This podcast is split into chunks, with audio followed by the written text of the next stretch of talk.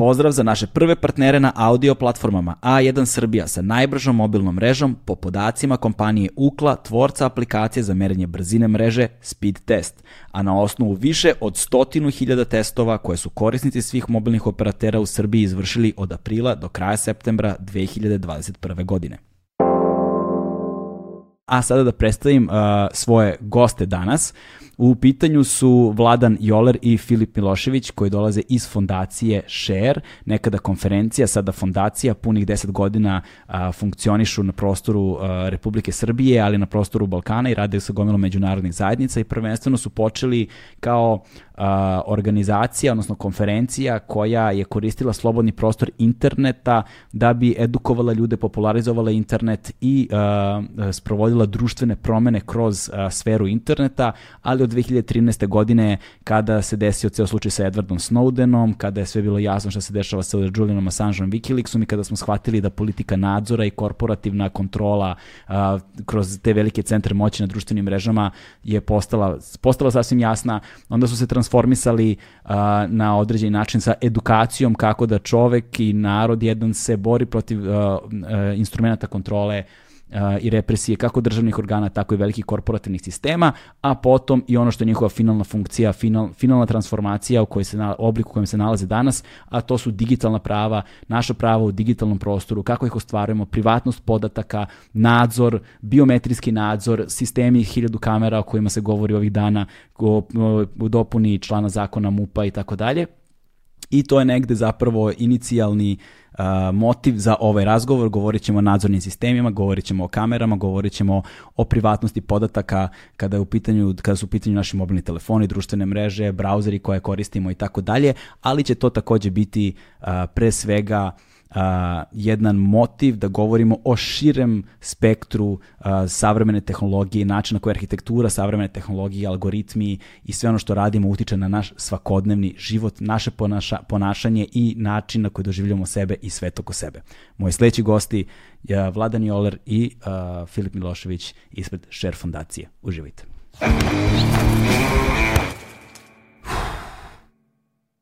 Hmm.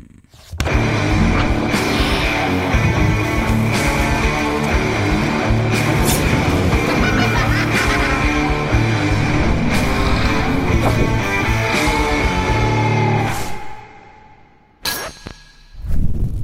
E, pa ljudi, dobrodošli. Ćao. Ove, ovaj, ovde sam sad napravio, ja mislim da mi je ovo najveći spisak teza za razgovor do sada koji sam imao, onako baš školski, ali, ovaj, ali mislim da je neophodno, s obzirom na to kakva nam je tema i koliko stavki ima koje treba da se prođu. Ne znam da ćemo ih pokriti sve, ali se nadam da ćemo pokriti većinu.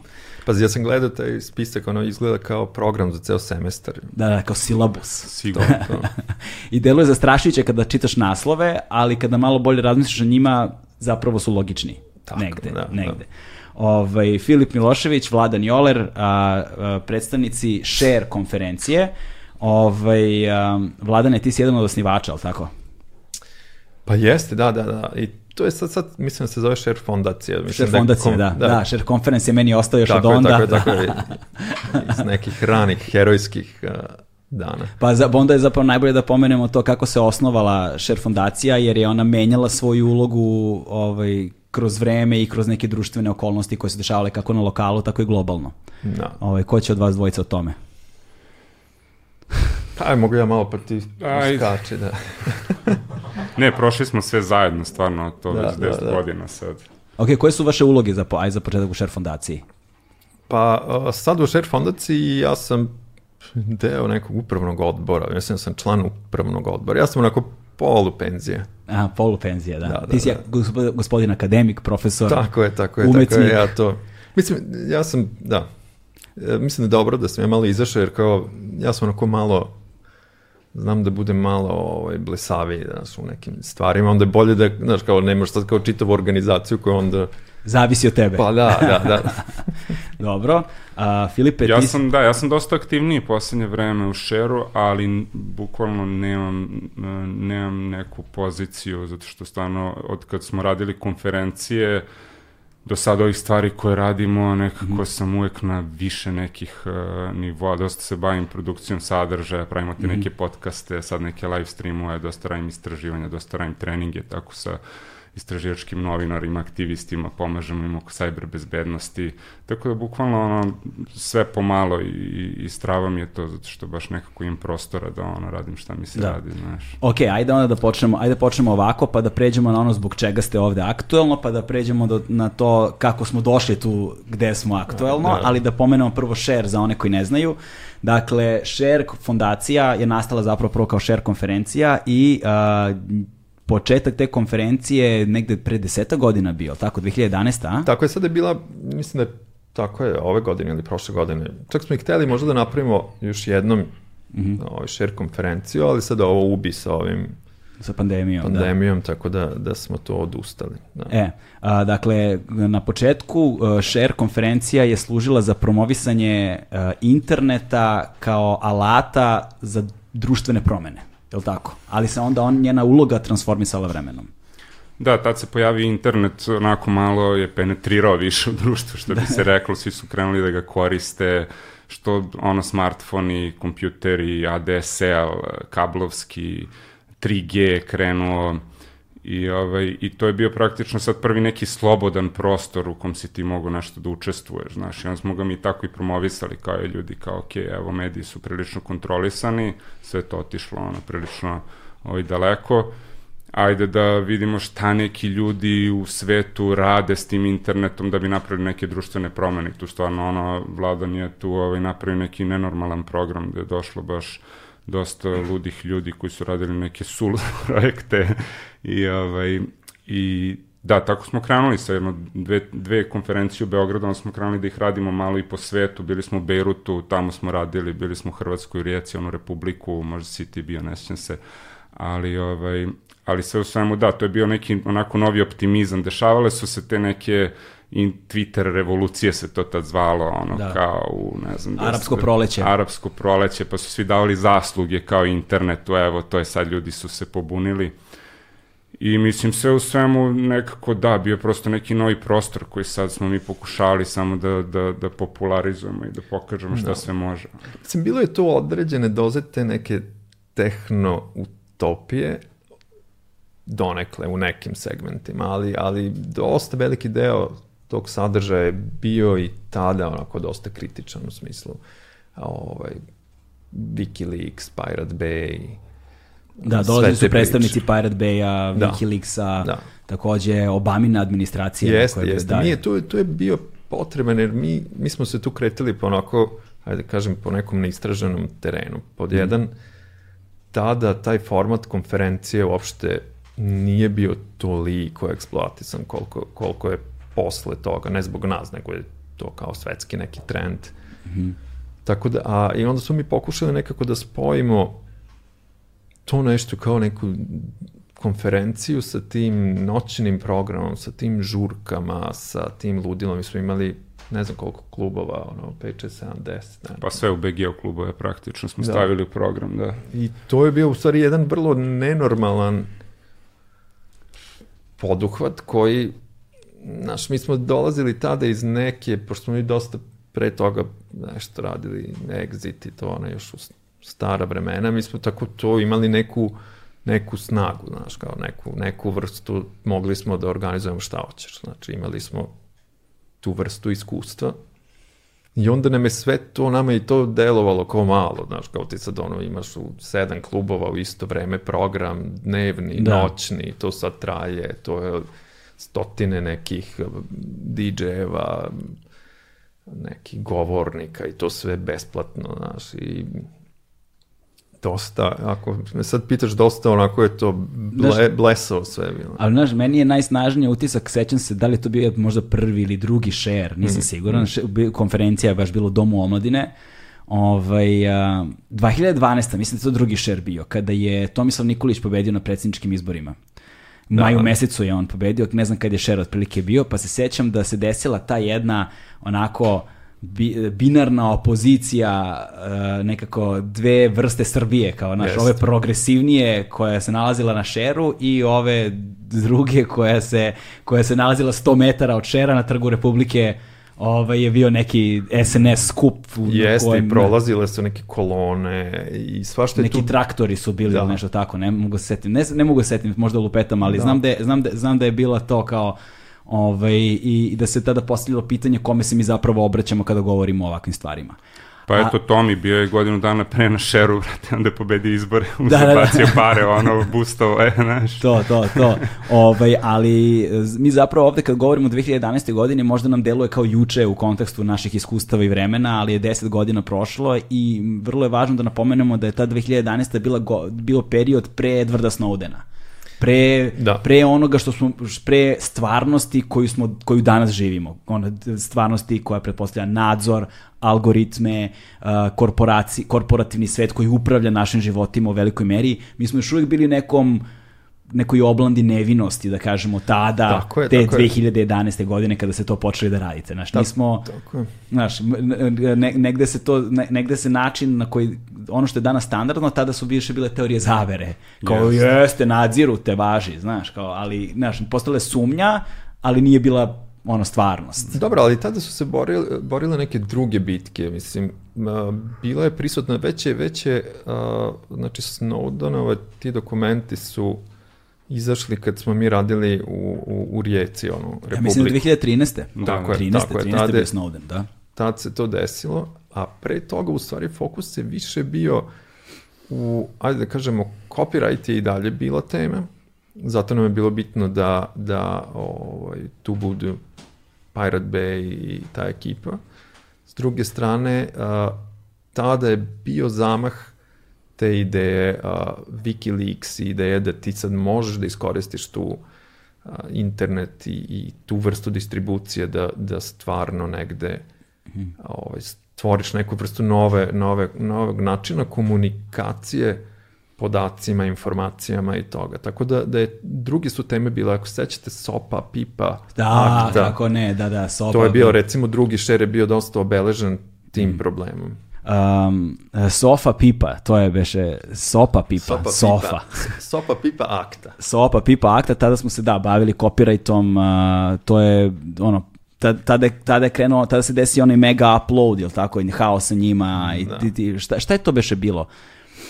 Uh, pa, su, pa su onda sklanjali servere u različite zemlje. Tu je Island nešto profitirao strašno, tako, jer su tamo počeli. Oni su postali safe haven za... Da, mislim da se ovaj Kim.com fazom preselio tamo i ono... Da nije Novi napravio Zeland? neki- Možda Novi Zeland, da. Da, nešto da, da, da. Ne, Island je uvek igrao ulogu imaš i, i Island i, i Švedska zbog, Mhm. zbog ono specifičnih zakona koje, koje ili ono udaljenosti od, od centra, tako da je vezano i za Wikileaks uvek ono kao bi Island i, i te priče. Ali mi smo kao Srbi generalno baš bili osetljivi, mislim, na tu temu copyrighta, zato što smo ono odrasli 90-ih, razumeš? Nikad ga nismo razumeli. Da. Da. bukvalno skidali smo sve kao... Naš, Skidaju ljudi i danas. Znaš, odeš kod... Ne, naravno da, zato što nam je to kao kultura.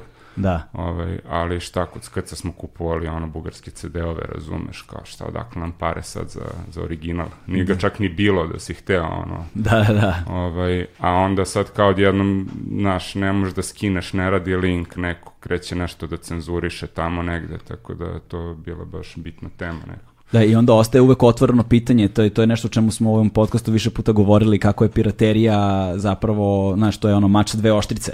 Znaš, s jedne strane, da nije bilo te piraterije, ceo kulturni sadržaj koji nas je formirao kroz te 90. gde bismo bili, znaš, da nije bilo tog besplatnog deljenja, ali s druge strane opet autorsko delo, autorsko pravo, intelektualna svojina, vrlo su važni aspekti ono savremenog društva, znaš. Tako, Tako je, da- tako je, tako je. I, mislim, mi sad imamo, uh, ako pričamo o tome, imate recimo ovo, ovo NFT i ta priča vezana za kao digitalne Mhm. ove, sertifikate i to. Sad, zavis... Jao, NFT, vrate, koja tema, a? Da. Ćemo zaboravimo sve ovo i da pričamo o NFT-u. Nemoj. Nećemo, šalim se. Ali ovaj, tu postoji stalno taj, jer, znaš, kao internet, ti jednom kada napraviš nešto što je u, u svojoj osnovi, po samoj arhitekturi, kao to otvoreno, decentralizovano, to, to je tektonski poremećaj u, u medijima, znaš, to je tek, tektonski poremećaj u tome da sad svako može da bude ono emiter, svako je televizor za sebe, razumeš, ono.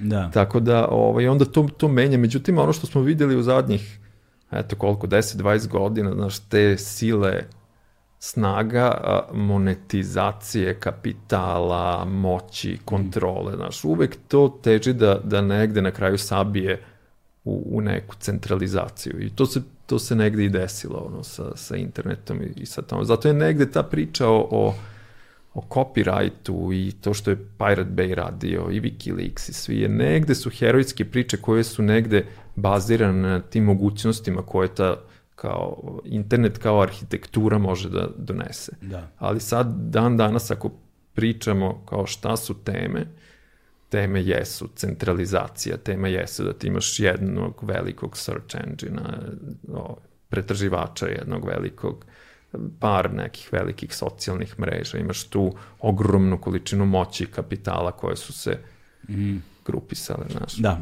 stići ćemo dotle, a sad smo još uvijek u ovom uvodnom delu kako se transformisao share, jel te? Dakle, da.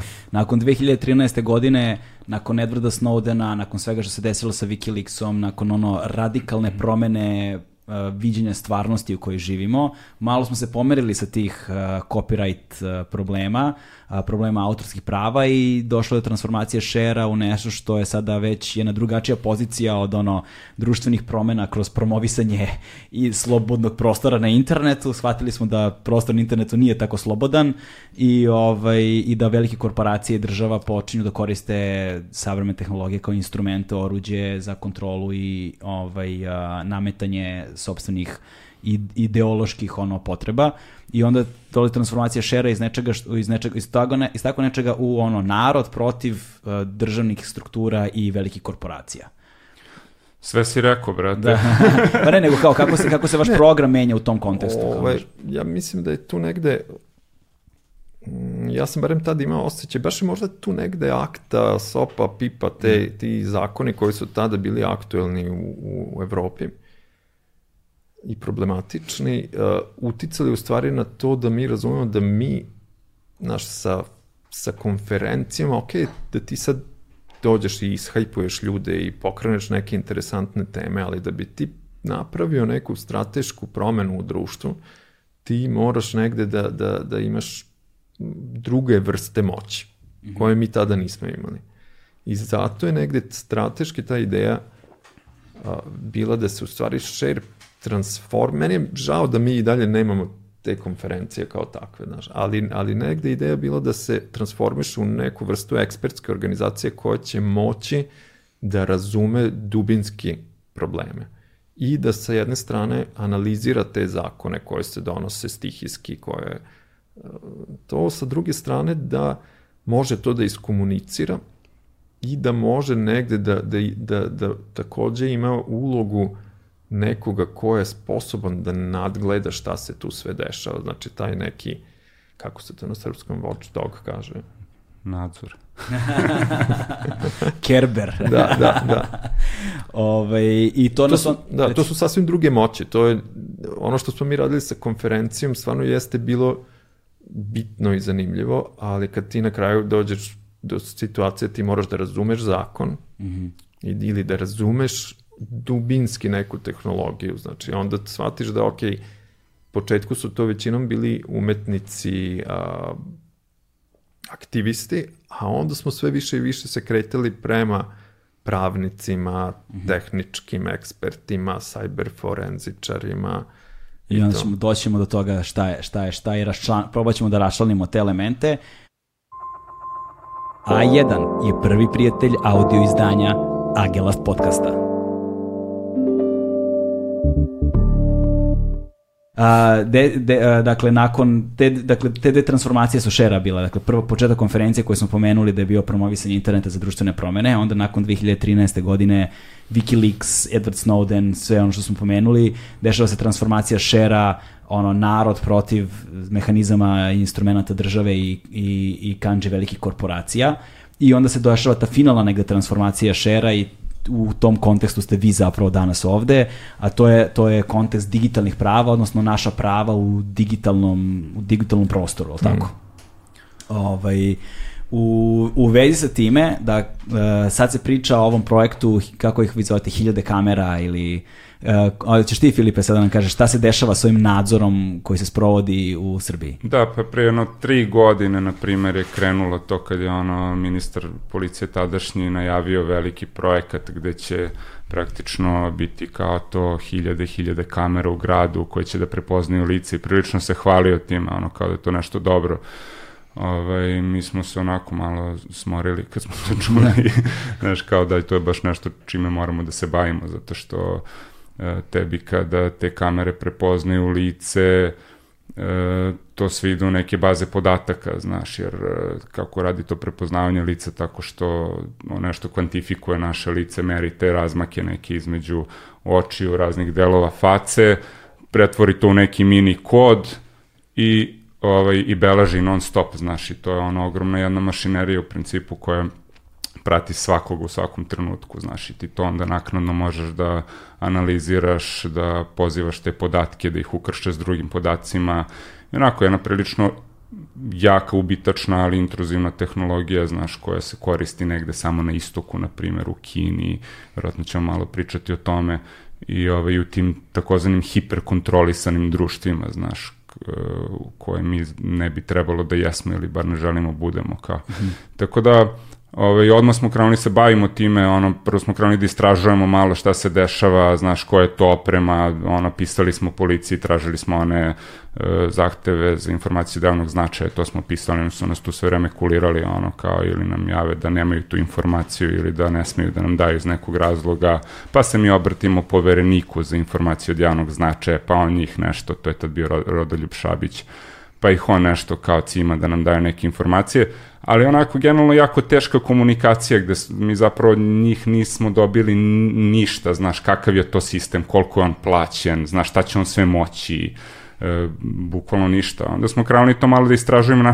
jednom trenutku na sajtu Huawei-a, razumeš, case study i brdo informacije o projektu, kao pošto su oni baš imali case study Beograda da bi promovisali tu svoju tehnologiju i taj smart city projekat, u stvari ne smart, neko safe city projekat, Ove, I mi tamo kao nađemo brdo stvari, kao vidi strava, sad odjednom nešto znamo. Šta ste tamo našli?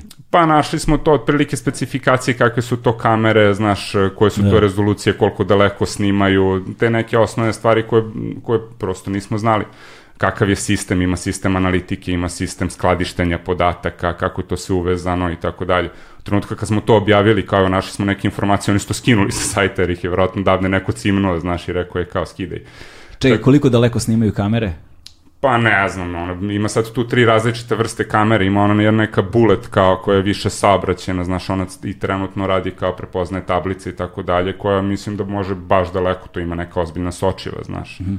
ovaj, Tako da one baš daleko snimaju, oni ima onih 360 koje se okreću, znaš, koje malo snimaju bliže, ali imaju širi ugao, znaš, pokrivaju veće, tako da je to kombinacija neke, na primjer, tri kamere koje se koriste u principu na tim stubovima u različitim nekim kombinacijama, sve imaju svoje karakteristike, e, i svaka tehnički može da prepoznaje lice bez obzira da li je povezano na sistem ili ne, znaš.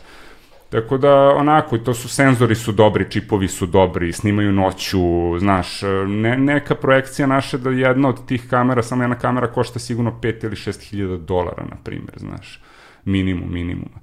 I osim tih kamera koje su na stubovima, projekat je u principu uključuje i i kamere koje su na vozilima i kamere koje su kao body cams, kamere koje su na telima policajaca i neki uređaje koji su kao neki ono mobilni telefoni, Android slash koji imaju opet kameru na sebi i ti sad ceo to neki sistem uvezan kao ako si igrao, ne znam, Watch Dogs ili tako neku igricu, to je otprilike baš to, znaš. Kao smart Motorola, ono, samo da, da. za novo doba. Da. Ok, koja da. onda, uh, hajde, da, hajde da sad pomenemo malo taj, dakle, uh, uh, Bezbedan grad, dakle, hiljada kamera, to je projekat Bezbedan grad, uh, MUP je dao nekakav natred za, zakona, da. za taj, kako kaže, masovni, neselektivni biometrijski zakon, Ovaj, da. šta to zapravo znači uh, i koja je istorija ovog slučaja? Hajde nekako da postavimo okvir unutar kojeg se krećemo, da, da ljudi koji ne znaju ništa apsolutno o ovome razumeju u čemu se radi. Dakle, šta su potencijalni problemi, šta su argumenti za, šta su argumenti protiv,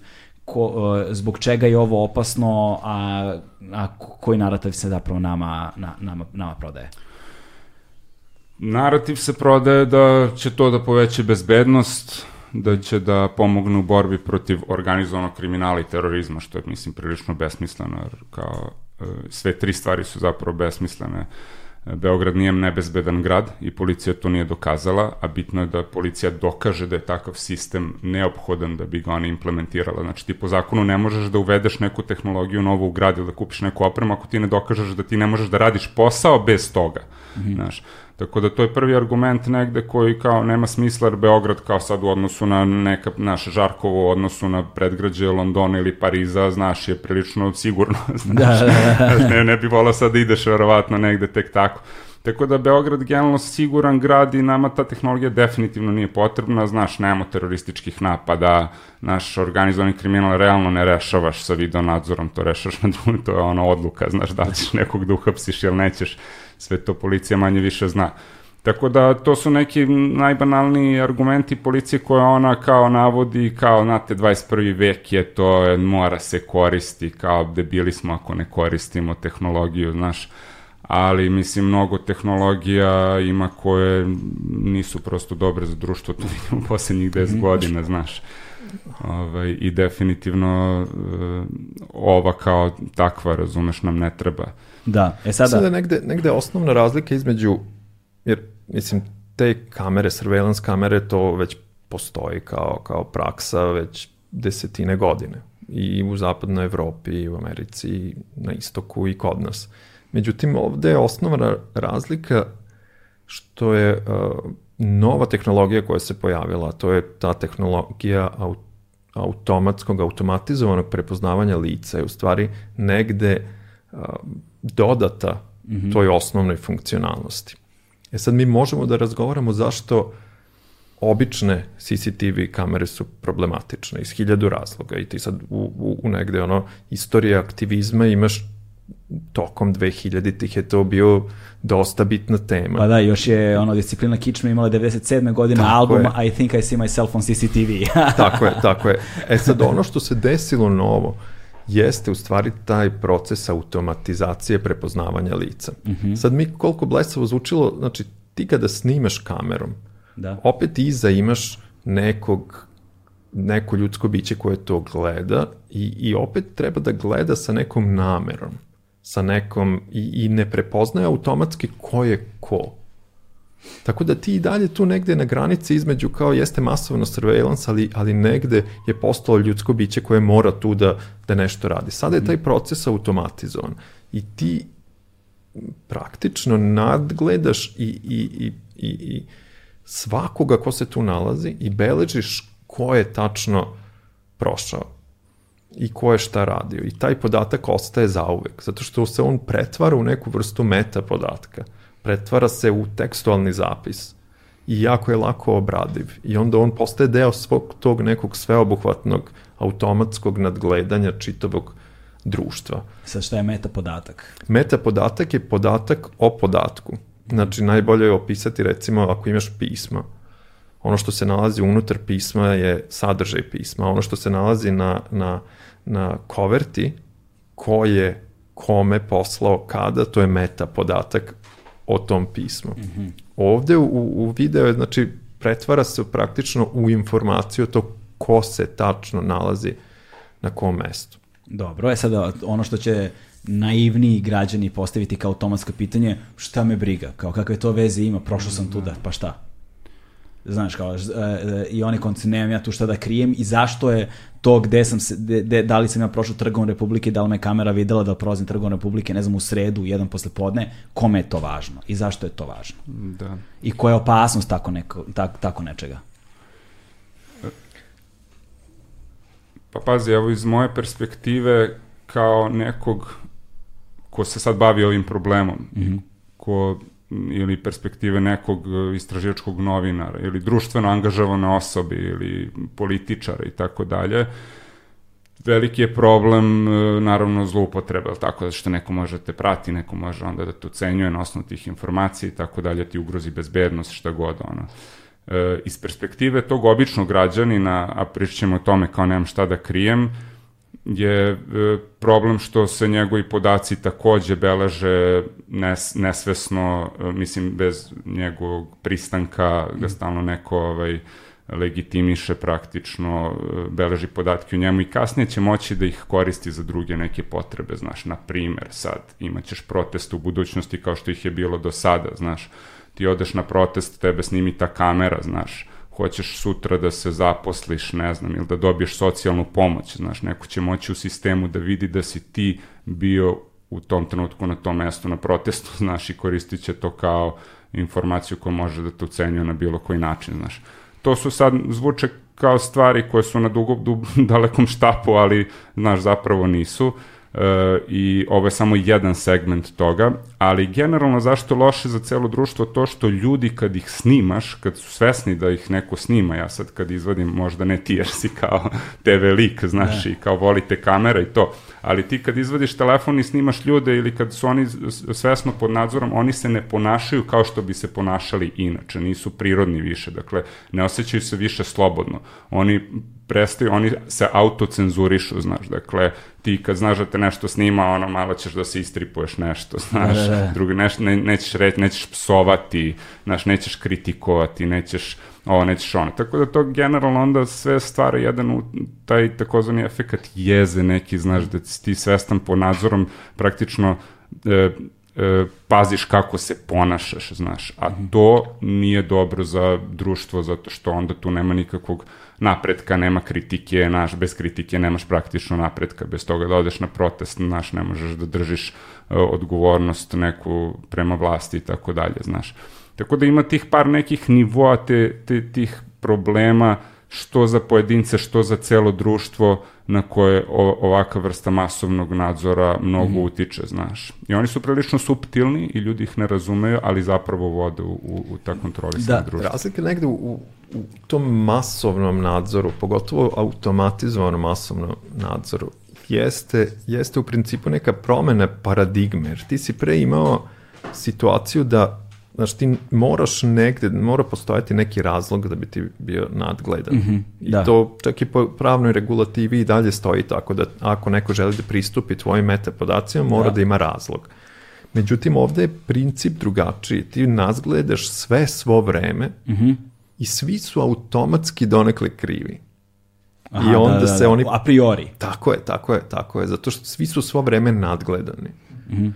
I to je negde ta, ta, ja mislim, shift koji se desio, promena koja se desila, koja kreće negde od, od, od ovaj, 11. septembra ovaj, 2001. sa, sa ovim terorističkim napadima, pa nadalje, gde u stvari se kreće u proces masovnog nadgledanja, gde odjednom svi postaju ovaj, Da, e sada, subjekti. Vrlo mi je, vrlo mi je zanimljiv taj aspekt uh, um, uh, kako kamera u javnom prostoru zapravo menja psihologiju pojedinaca i ljudi uh, i to intimni odnos zapravo prema sebi, sobstvenom osjećanju slobode da i sobstvenom osjećanju slobode izražavanja i ponašanja, što je negde ono fundamentalno, jedno od fundamentalnih ljudskih prava. I vidiš, nisam razmišljao u kontekstu uh, kamera za javni nadzor. Znaš, kad govorimo o, kamera, o tim kamerama, posledno tom biometrijskim kamerama koje te, taj face recognition, mm -hmm. dakle, koje te prepoznaju i klasifikuju neke podatke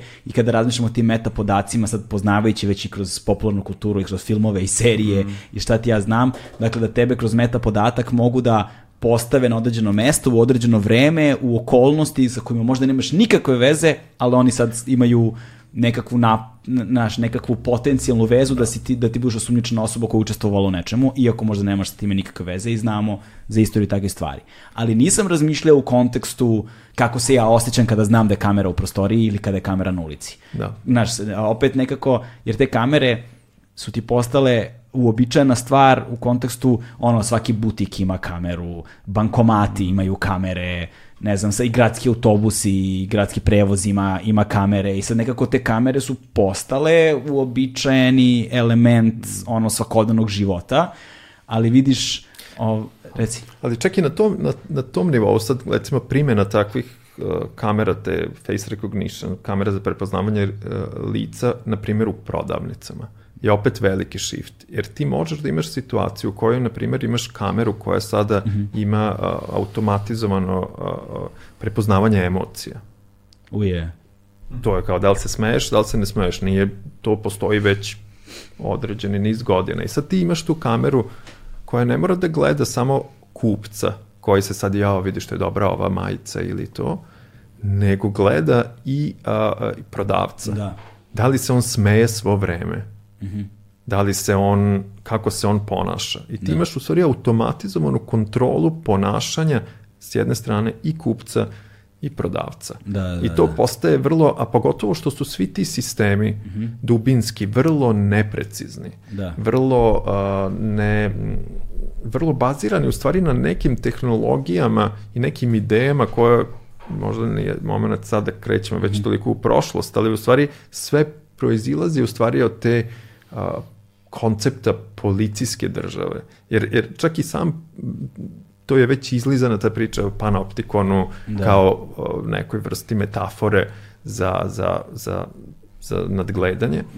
Ali ti tu imaš situaciju, panoptikon je znači samo arhitektonski koncept, arhitektura, gde imaš poređane ćelije u zatvoru koje idu u krug i u sredini imaš jednu a, praktično kulu Mhm. koja ima ovako proreze iz koje jedan čovek stoji u sredini i gleda sve te ovaj, a, može da nadgleda sve ćelije. A na samom kraju sama arhitektura te, tog, te, te kule je takva da unutra ne mora niko ni da postoji. Zbog toga što ovaj u ćeliji ne zna nije potrebno da bude neko ili ne, nema, on ne zna da li je neko unutra ili nije. Da, Tako da, da. sama arhitektura nadgledanja menja a, ponašanje ljudi, utiče i vrši kontrolu. Gledam sad ovde teme koje smo mi uh, postavili za masovni biometrijski nadzor, skraćeno MBN. Dakle, taj nacrt zakona uh, pokušaj, pokušaj legalizacije. Je li to legalizovano ili nije legalizovano? Pa tu se desilo neki preokret u zadnjem momentu, znači sve je bilo pripremljeno da taj zakon kao prođe i onda odjednom je verovatno neki signal stigao od negde ili se nešto desilo i onda je tu ima šta je teatralan moment u kome sada predsednik kao nešto kao kaže ne to ipak mora da se povuče onda ministar Vulin nešto dramati, on, ja, uništen mi je ovo, levo, desno, i onda on tu proziva um, civilni sektor kao izdajnike, strane plaćenike itd. itd. I taj, to se dešava sve pre, šta, nedelju dana, deset Da. dana. Ali mislim ukratko mi smo mi smo uh, istražili zakone kad se to kad je to sve najavljeno i, i, i, i dokazali u principu da je to nelegalno po trenutno aktualnim zakonima, znaš. I policija je to priznala praktično u maju ove godine nekom javnom saslušanju u parlamentu, su oni bili u fazonu da, kao definitivno po ovom zakonu mi ne smemo da koristimo prepoznavanje lica, shvatili smo to, vidimo da se kao narod buni, ne brinite, nećemo da koristimo, jer mi sve vreme ne znamo zapravo da li oni to koriste ili ne, jer imaju opremu, znaš. Da, oprema stoji, postavljena je, da. Jeste, ne, koriste oni kamere, ali kao tu funkcionalnost prepoznavanja lica navodno ne, znaš. Tako, da, tako da su definitivno rekli dok ne bude zakona nećemo koristiti i od tog trenutka su krenuli da pišu zakon u, u aprilu ove godine i to su ljudi iz ministarstva pisali mesecima, radili su na tom zakonu. To je naravno nije samo sad zakon koji uvodi i legalizuje biometrijski nadzor, nego je bili par onih stvari, ne možeš da kao snimaš policajca pa da to objaviš e, njegov identitet na društvenim mrežama, bilo još par nekih stvari oko koji su se isto neki ljudi bunili, tako da oni su sad pokušali to da legalizuju, definitivno je tu sad postoji neka zajednica koja se tu pobunila na, na lokalnom nivou u smislu naš, e, imamo taj pokret hiljade kamera gde je brdo sad nekih pojedinaca i organizacija koje se bore protiv te stvari, to sad već dve, tri godine mi vodimo neke kampanje, objašnjavamo ljudima zašto to ne treba, objašnjamo državi zašto to ne može i tako dalje. I definitivno se pokazao neki otpor, znaš, što je jako veliki uspeh. Je sad, E, postoji taj sigurno spoljni faktor da Evropska unija i Jedinjene nacije u ovom trenutku takođe stavljaju i pozivaju na moratorijume zato što su kao u civilizovanom svetu shvatili kao ljudi ovo, ovo nije dobro, razumeš, i pozivaju na to, tako da mislim da ta sad odluka što je on povučen definitivno negde su signali i odavde sa lokala, definitivno iz polja, ili neki savjetnik je verovatno to skapirao, malo analizirao, video je kao imaćeš probleme zbog ovog zakona, daj povlači, razumeš, pa ćemo da vidimo šta ćemo, znaš. Mm -hmm.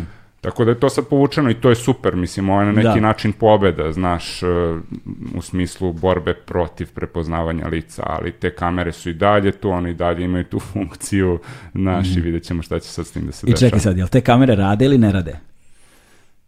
Pa male su šanse da ne rade, mislim. Ne, tamo ne mislim su... kao su uključeni, rade, ali snimaju, jel? Ne, ne, da, uključene ono, su.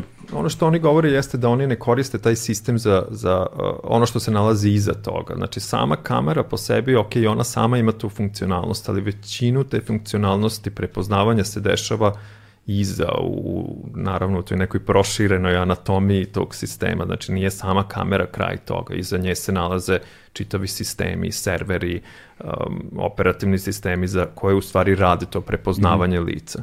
Tako da, da je ono što oni govore jeste da, da oni to iza ne rade, mislim. Da. Ali ovaj, male su šanse. I suštinski nije sad problematično da ti stvarno imaš neki nadzor u gradu, u smislu kamere, naš, na trgu Republike, da ne bi klinci dolazili, znaš, i kao po konju, ono, da. crtali, razumeš nešto, i mi se suštinski sad ne borimo nužno protiv bilo kakve vrste nadzora, znaš, ali ovo je nešto, mislim, potpuno drugo i sad je, sad je ta oprema tu, skupa je. I mislim... Stare primerenosti, znači da. nije, nije, ono za čega se mi borimo nije radikalno sad kao treba ukinuti sve, nego, nego mere moraju da budu primerene mm -hmm. stanju. Da li mi živimo u bezbednom okruženju ili ne, da li to stvarno primjena takvih intruzivnih tehnologija jeste primerana ili nije situaciji u kojoj se nalazimo. To da su pravima, Zoe, izvini, načelo proporcionalnosti s razmernosti, to sam ja naučio. Da. znaš, znači mora nešto bude proporcionalno, znači moraš da imaš svrhu, ne možeš ti sad tek tako, kao, znaš, ono, da, da. da radiš šta hoćeš, mislim, kao živimo u demokratiji, navodno. E, a, sada, u vezi sa time, da li je a, biometrijski nadzor, masovni biometrijski nadzor, Uh, dakle, masovni neselektivni biometrijski nadzor, da li je to isto što i kao masovno neselektovano legitimisanje?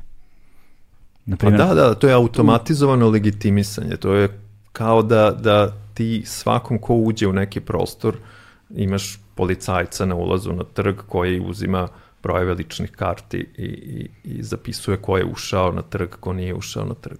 Da. I sad tu, e tu, na taj način kad posmatramo već možemo da vidimo problematiku, znaš, kao da te startovo policajac je legitimisao i sad ti znaš da si legitimisan, e to se isto zapravo dešava samo kroz kamere. Jako je mala e, granica između prepoznavanja lica i identifikacije u smislu čim ti povežeš te dve baze, a mhm. te dve baze se nalaze u istim rukama. Da, I sad, da. bilo bi vrlo, vrlo čudno da one nisu povezane. Znači, baza biometrijski, baza koja je vezana za lične karte i baza snimljenih lica. Da, e sada, hajde da se prebacimo malo na privatnost, bezbednost i posledice uh, u kontekstu privatnosti i bezbednosti. Uh, malo pre smo pomenuli uh, jednu od naj ovaj poznatih floskula kada je u pitanju uh, ovaj uh, biometrijski nadzor, a to je nemam šta da krijem. Znaš, pa sad uz to nemam šta da krijem, uh, šta je onda digitalni otisak, to je šta je profilisanje, pa uz to šta su, uh, koji su to interesi tih različitih aktera, koji su to različiti akteri, kakvi su njihovi interesi i šta su vektori napada. Ajde da krenemo redom. Dakle, od toga Vladane, šta, šta bi ti rekao za to nemam šta da krijem? pa to je vrlo, vrlo naivan pristup uh, razumevanju vremena u kom živimo. Zbog toga što, što znači, nadgledanje i sama tehnologija, znači mrežna tehnologija interneta i tih pametnih kamera, negde, negde e, omogućavaju tu vrstu intruzivnosti, ali ne samo to, nego mi postajemo objekat, da li objekat kontrole nad kim se vrši kontrola, kao u smislu kada država koristi to, znači država ne pristupa tome iz finansijskih interesa, nadamo se, nego iz interesa kontrole, je tako? A sa druge strane imamo čitav ekosistem koji u stvari eksploatiše te mogućnosti tih tehnologija za finansijske benefite. To je to što kao zovemo ovaj, surveillance kapitalizam ili kapitalizam nadgledanja. Tako da mi postajemo u savremenom dobu, postajemo a, a, objekat to jest postajemo resurs iz kog se crpe u stvari ti podaci i to. Tako da, da nerazumevanje u stvari tog, tog uh, principa nemam šta da krijem je u stvari nerazumevanje toga kako svet funkcioniše danas. Toga da mi jesmo svi postali resurs, da mi svi jesmo objekti iz kojih se crpe najrazličite informacije, koji proizvode informacije i, i i postajemo samim tim što ne razumemo te biznis modele i ne razumemo savremena vrsta kontrole, onda, onda primenjujemo te uh, stare ideje, a to je ideja to, na primjer, nemam šta da krijem. Da. Nije stvar u tome da li ti imaš šta da krijem, da li ti pristaješ da budeš objekat u tom sistemu kontrole i eksploatacije. Mislim da čak i da, iz moje perspektive, čak i ako pristaješ u fazonu si šta god, uzimite mi podatke, znajte sve o meni, sami daj taj Google i da scrollujem, razumeš, ono doom scrolling, šta god, e, većina ljudi još uvijek nije svesno koliko e, drugi mogu da krenu da im utiču na odluke i na život na osnovu tih podataka. Znači ja kao da. nemam navodno šta da krijem, ali sada kada krene neka kompanija ili država da pravi taj digitalni profil, u stvari već je krenuli, ti imaš neki digitalni profil o sebi i što više zna o tebi, to može više da upravlja tobom. Znači da, da te tera da se ponašaš onako kako njoj ili njima odgovara, znaš. Tako da anonimnost i privatnost u tom smislu jako bitni zato što ti daju neku slobodu, znaš. I ti što neko manje zna o tebi, ti si slobodni da radiš šta hoćeš. Što neko više zna o tebi, to više može da te ucenjuje, jel tako? Tako je. Može da, da ti ono radi, ra, mislim da, da, ono, da, da utiče na razne stvari. Sad može da ti, naš najgluplje, naj, najgluplji primer je ono što već krenuo se dešava tada 2010. 11. 12. kad je bio prvi share to je ono kako se zove pricing, na primer diskriminacija naplate, cena, Znaš, ti odeš kao na sajt e, hotela da rezervišeš sobu, znaš, i onako preko kukija vidi da ti pristupaš preko Mac računara, mm -hmm, on će da. tebi da nudi samo one skuplje sobe, znaš, i na neki način da manipuliše tvojim odlukama, znaš, ili će aviokompanija da ti, e, ako vidi da ti sa iPhone-a kao, jer znači da imaš više para, kupuješ kartu, ona će da ti ponudi, znaš, skuplju kartu. Uber ima ono kao u, u nekom špicu kada je kao veća e, potreba za vozilima, ima neku ovaj, akciju koja se zove Surge, kao da ti oni, da, da ti dobiješ vozilo čak i ako je frka, znaš, i sad oni vide po tvojoj bateriji na telefonu koliko tebi bitno ti dobiješ vozilo, što znači da kod imaš 10% baterije, veća verovatnoća da ćeš ti da pristaneš da platiš veću cenu, znaš. I to su sve neke ono sitnice o kojima ti ne razmišljaš koje zapravo polako počinju da ti upravljaju život, da ti naplaćuju više, da ti brane određene stvari. To je sve samo zato što si ti dao sve te podatke od sebi, zato što si ti Uber aplikaciji dao informaciju, dozvolu takozvanu da vidi koliko tvoje baterije još uvek uh, ima posto. da, da, da. Sada zanimljivo će biti da govorimo o tome kako se te informacije prikupljaju. Jer zanimljivo je ono, nekada smo eto baš te 2012. 11. 13. koristili smo, ne znam, one i kako zvao beše, Foursquare ili tako nešto, da, da. se check-inujemo na različite lokacije. Da. Zamisli danas da se check-inuješ i kao skupljaš neke poene. Potom su bili, potom znam da je Google imao problem da prikupi nekakve podatke uh, kroz zakon nisu mogli, onda su kroz aplikaciju Pokemon Go zapravo smo sami pristajali na ono terms and conditions, samo yes, Tako. yes, yes, yes, yes i onda smo skenirali svoja lica i stanove i sve živo da bismo skupili Pokemone, ne znam, Snapchat je to radio sa filterima za lica koje sad imaju svi moguće ono, od Instagrama do ne znam čega, svi koriste filtere za lica gde je opet taj face recognition, dakle prepoznavanje lica i ti softveri se hrane se kroz te podatke koje mi dajemo koristeći filtere u nekakve banalne i naivne svrhe. Sad doći ćemo do toga kako se te informacije prikupljaju i kako se zakonski zaobilaze, ono kojim putevima oni stižu, stižu dotle, ali da prođemo prvo samo ove stavke prvo za nadzor, pa da pređemo malo na istoriju nadzora i na, i na tu anatomiju tehnologije uh, kojom se Vladan, da, je, Vladan bavi. Reci. Jedan jako, dosta veliki deo našeg, naših aktivnosti ranije, recimo pre dve, tri, ali mi to i dalje radimo, jeste, jeste u stvari bio vezan za prikupljanje meta podataka koji se dešavaju prilikom korišćenja interneta ili mobilnih telefona, zato što je to negde najekstremniji i vjerojatno najintimniji odnos mm -hmm. koji postoji u sadašnjem društvu. Jer kao odnos između tebe i tvog pretraživača, ono što ukucavaš na, na, na Google je najintimniji mogući odnos. Da, znači, to je nema, ti te stvari ne govoriš ni svojoj ono, partneru, ni roditeljima, ni deci. To Nikome, je da. vrlo, vrlo... Posebno ne deci. da, da.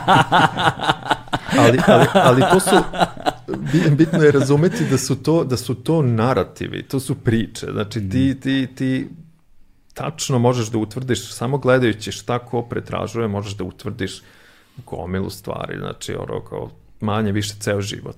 E sad je stvar u tome što to nije samo meta podaci u pitanju, nisu samo e, to šta pretražuješ, nego, nego mi kroz mobilne telefone i sve to, znači to su gomila različitih senzora, da li, si, da li se nalaziš ovde, da li si ovo ovako, ono onako, znači gomila nekih praktično a, a, informacija koje mi non stop emitujemo. Da. Tako? I sada ta teritorija iz koje se iskopavaju ti podaci nisu više samo šta sam ukucao, Mm -hmm. nego ide na nivo šta ja sad osjećam. Šta, znači, sistemi za, za analizu tih podataka u stvari su sada u mogućnosti da određuju koje si ti vrsta ne znam, ono, kao psihološkog profila, kako se osjećaš, da li pripadaš ovo, da li ideš na posao, ne ideš na posao, imaš posao, znači sve živo što praktično, na primjer, sad Facebook i ostali Google rade. Ali, ali znači te teritorije su sve dublje i dublje i dublje i dublje. Mm -hmm, da. iz kojih se iskopava, u stvari iskopavaju podaci i, na, i, i analiziraju i pretvaraju u neku informaciju. Tako da, da, da, da je to polje sve šire i šire. I samim tim i sami ti senzori i sami ti a, a, načini na koji se prikupljaju podaci postaju sve a, razigraniji i razigraniji. U smislu a, a, ta priča, podaci su nafta 21. veka, je li tako? Ok, ako su podaci nafta 21. veka, ti onda imaš čitave industrije koje baziraju svoje uh, ekonomije na, na praktično iskopavanju te nafte. Da. Je li tako? Da, da. I pronalaz, znači imaš desetine i desetine, hiljade i hiljade startapa koje u ovom trenutku a, pronalaze nove načine da kvantifikuju bilo koji aspekt našeg života, našeg bića, našeg organa, naših ćelija, našeg bilo čega i da to monetizuju i da pretvore u informaciju i onda da je prodaju. Da zvuči dosta ovaj uh, da zvuči zvu, zvuči do, dosta uh, uh, ovaj uh, kako se zove uh, uh, kao kraj sveta znaš da zvuči distopijski distopijski da zvuči dosta da, da. distopijski ovaj uh, šta su vektori napada To sam ja tu nešto napisao, vjerojatno s nekog treninga sam prepisio da, da, da. puškice, da, ali... Da. Ali pa, pa evo ima da. kad, za vektori napadi posledica podborenja da. na građane, na društveno da. angažovane građane i na celo društvo u potpunosti. Da. Sad kad kažeš na građane ima ransomware, socijalni inženjering, algoritamsko da. upravljanje, šta po Pa tim? evo, evo, da, to je konkretan primjer kako najbolje možemo da, da, da razumemo šta može da nam se desi sad loše, iako nemamo šta da krijemo, razumeš? Da. Znači ti sad kad neko ima što više podataka o tebi, neke baze podataka negde procure, što se dešava svakodnevno, ono, s Facebooka, s LinkedIna, telefoni cure svuda, mailovi, šifre, razumeš te, ono, ti digitalni identiteti, ovaj, neko prosto vektor napada znači da kako neko može tebe da ugrozi. Dakle, tebe neko, zahvaljujući nekim podacima koji ima o tebi, može da ti um, pošalje neki link na koji ćeš ti da klikneš jer ćeš poverovati mm -hmm. njemu zato što je on imao neke informacije o tebi, to se zove pre-texting, dakle on ti napiše nešto što je saznao od tebi, ovaj, rekao je, strava je bilo juče, ne znam, u drugstoru, razumeš, evo ti, fotko sam te klikni, znaš, i taj neko klikne, I ti ako nemaš šta da kriješ, ti si kliknuo, on tebi odjednom zaključa sve podatke i traži ti da mu platiš ono pola bitcoina, razumeš, da, da, da. da, bi, da bi ti vratio sve tvoje fotke ili da ne bi tvojim roditeljima poslao uh, neke kompromitujuće stvari, razumeš, znači to je ono najbanalniji primer toga kako neko može da te ugrozi ono time što su prosto tvoji podaci tu negde, neko može da ih iskoristi, neko može da tu cenjuje, da ti ono traži pare, da, da, da. da ti naudi, znaš. Vektor, ovaj. vektor napada se može takođe tumačiti i kao internet, iako mi svi mislimo svo vreme, imamo taj, to je ta projektovana ideja o nematerijalnosti, o kao nekom oblaku, o svemu tome, razumiješ, ali ona je, e, realno je u stvari jedna infrastruktura, fizička infrastruktura i ti sad u situaciji, recimo, ako, ako ti je um, proceniš da, da, da recimo, ja sad sam istraživački novinar i želim da da, ne znam, osnovni vektor napada na mene procenjujem da dolazi od strane ne znam, bije i ne znam, države, onda se ja bavim tom infrastrukturom, bavim se kako da izbegnem taj vektor napada. Da. A recimo da. nije bitno šta Google prikuplja o meni zbog toga što mislim da Google neće dati podatke našoj policiji. I sasvim ti se drugačiji način odbrane od svojih podataka i toga šta radiš je u odnosu na to šta procenjuješ ko ti je u toj infrastrukturi koja je uvek kombinacija različitih odnosa između komercijalnih aktera i države, procenjuješ znači šta ti je mogući vektor napada, odakle dolazi i u odnosu na to ti u stvari praviš neku svoju infrastrukturu ili svoj način bavljanja, znači instaliraš Tor ili ne znam ja već radiš neke stvari da bi, da bi izbegao taj mogući vektor napada. Da, kad smo već kod Tora, uh, i Jacob Applebaum je bio kod vas na šeru, je tako, je jedne godine, sada već uh, kontroverzni Jacob Applebaum. Bilo tu dosta, da. Da, da, bilo... Tom, da. community svega. Ovaj, ali uh, zanimljiv mi je bio neki njegov govor uh, na, do, na prijemu uh, nagrada uh, u Berlinu ili gde li je već bilo, uh, upravo u kontekstu istraživačkog novinarstva. Uh, zato što tada je on još pre, sad već ima, ne znam, 4, 5, 6 godina, uh, držao govor na temu kako moraju da prestanu da govore aktivisti ili internet aktivisti i da moraju da počnu da ih imenuju istraživački novinari, da. zato što korišćenjem ispravnog imena se drugačije odnose zakonska regulativa prema njima. Jer ako su istraživački novinari, onda potpadaju pod određene stepene zaštite na osnovu onoga što oni rade, a okoliko ih nazivaju aktivistima, internet aktivistima, onda ta zaštita koja važi za novinarstvo se ne primenjuje na njih a svi znamo, zahvaljujući kroz Edwarda Snowdena i kroz Juliana Assangea, vrlo nam je jasno šta znači kada te tretiraju kao internet aktivistu, a ne kao istraživačkog novinara u da. kontekstu da. podataka koje izločiš u borbi za ono javno dobro. Tako da u tom sam kontekstu samo želeo, kad govorim o tim vektorima napada, možda malo da približim ovaj, onom, a, a Jacob da, ali, je... Ali tu je najluđi, meni od najomiljenijih primera za to kako nazivamo stvari, kako pakujemo stvari jeste Ovaj, Peter Sunde, jedan od osnivača Pirate Bay-a, kad je, kad je ovaj, tu je postala od uvek ta ideja o crkvi. Čak mislim da je i na šeru prvom ili drugom bila ta ovaj, kopimistička crkva, ali onda je on kad je, kad je uhapšen mm -hmm. i kad je bio u zatvoru, onda pošto je taj kopimistička crkva koja je bila praktično fiktivna, izmišljena crkva koju su oni pokušali valjda da, da ovaj, registruju kao crkvu, onda je on posle zahtevao da, da njegov odnos sa, da on može da, da priča sa, ne znam, ono, ne samo sa advokatom, nego i sa drugim ljudima, kao da priča sa sveštenikom. Aha. I da bude zagarantovana ona privatnost. privatnost. I kao to je kao peer to peer, priest to priest. A pošto je kao decentralizovana crkva, svako je prist, svako je ono uh, da. svešteno lice i svako je, mislim, jako, jako je zanimljivo da, kada, kako kažem, kada kažemo peer-to-peer, moramo i to da objasnimo ljudima šta zapravo znači. Peer-to-peer je veza između, direktna veza između Jedan, dva kompjutera, da. između dva kompjutera koji komuniciraju bez servera između njih u suštini.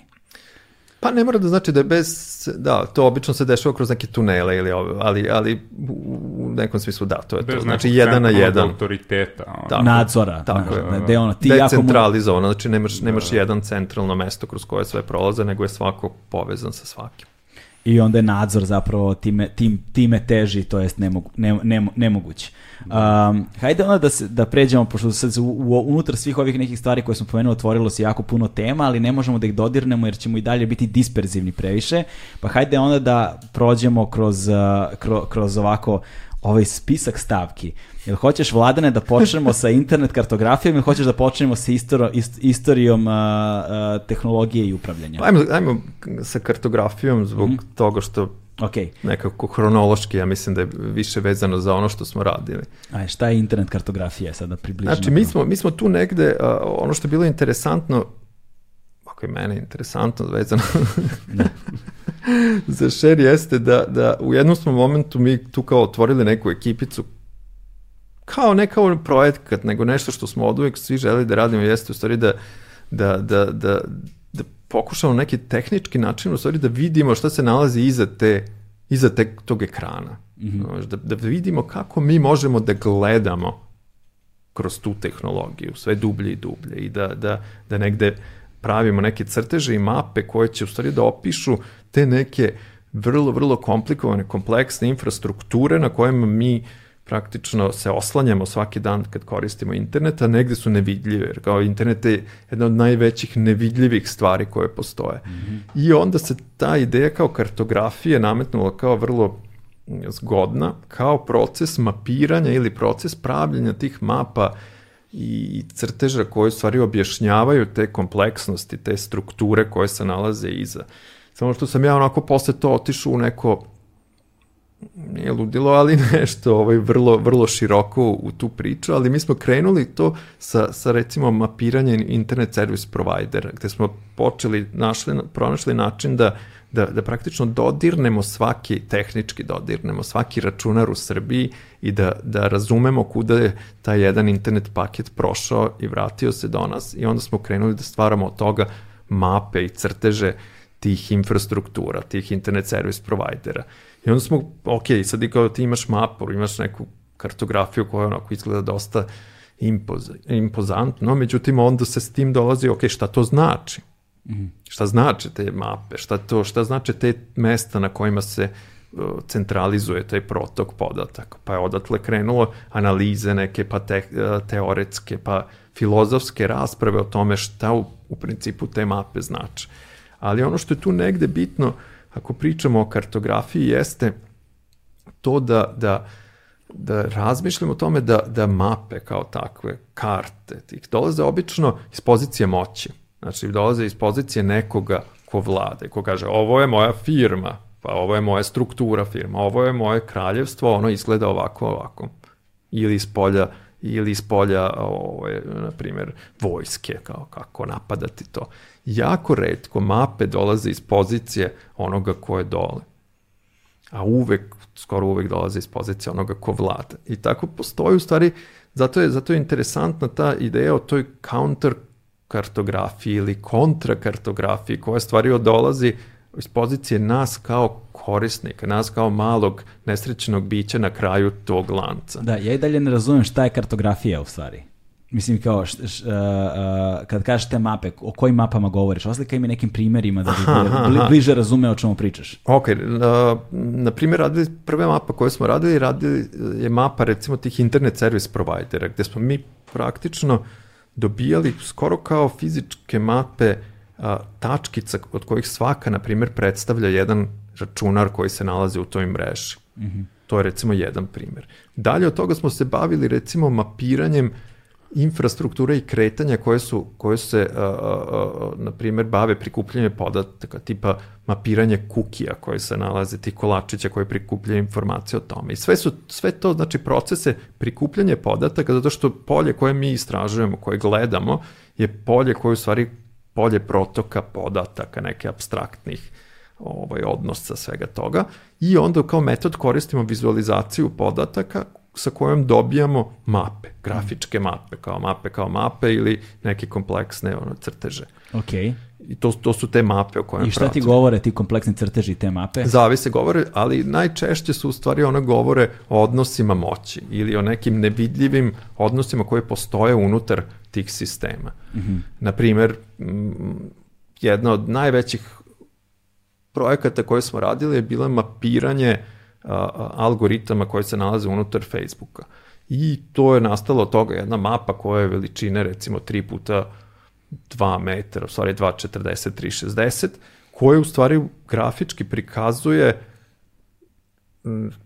putanju ili, ili ti u stvari tu infrastrukturu koja se u stvari nalazi unutar Facebooka, koja u stvari analizira te podatke, pa različite vrste podataka, pa različite algoritmi na kraju kako se to pakuje u nešto. Znači, kao da imaš mapu fabrike. Mm -hmm. Recimo, proizvodnog ili proizvodnog procesa. procesa, kao ono uh, u Fordovoj fabrici kako se, kako se sklapaju automobili. Ali u ovom slučaju ta fabrika je neka algoritamska fabrika ili ti fabrika koja u stvari pretvara naše podnašanje i signale koje mi emitujemo ili tekst koji mi upišemo ili fotografiju koju mi postajemo, pretvara je u novac. Aha. I onda smo se mi praktično bavili a, crtanjem tog proizvodnog procesa. Kako, kako Facebook od toga što sam ja okačio status danas nezadovoljan ne znam čime, Tako je. Vučićem oni pretvaraju u novac na kraju tog industrijskog lanca. Tako je, a stvari što je sve to vezano uz, jednim delom je uh, uh, vezano uz, uz nešto što se zove algoritamska transparentnost. To je nešto što je bilo aktuelno recimo pre par godina i dalje bi trebalo da jeste, ali trendovi se vrlo brzo menjaju. Jeste u stvari ta ideja da bi mi kao ljudska bića koje smo svi prikačeni na te sisteme i koje koristimo te sisteme za najrazličitije potrebe, bi bilo u redu da mi znamo kako oni funkcionišu, koji je tu biznis model i kako u stvari ti algoritmi rade. Da. Zbog toga što oni određuju ono što mi vidimo, određuju ono što će nama biti prikazano, određuju da li će neko biti selektovan tako, tako i tako, klasifikovan tako, tako i tako.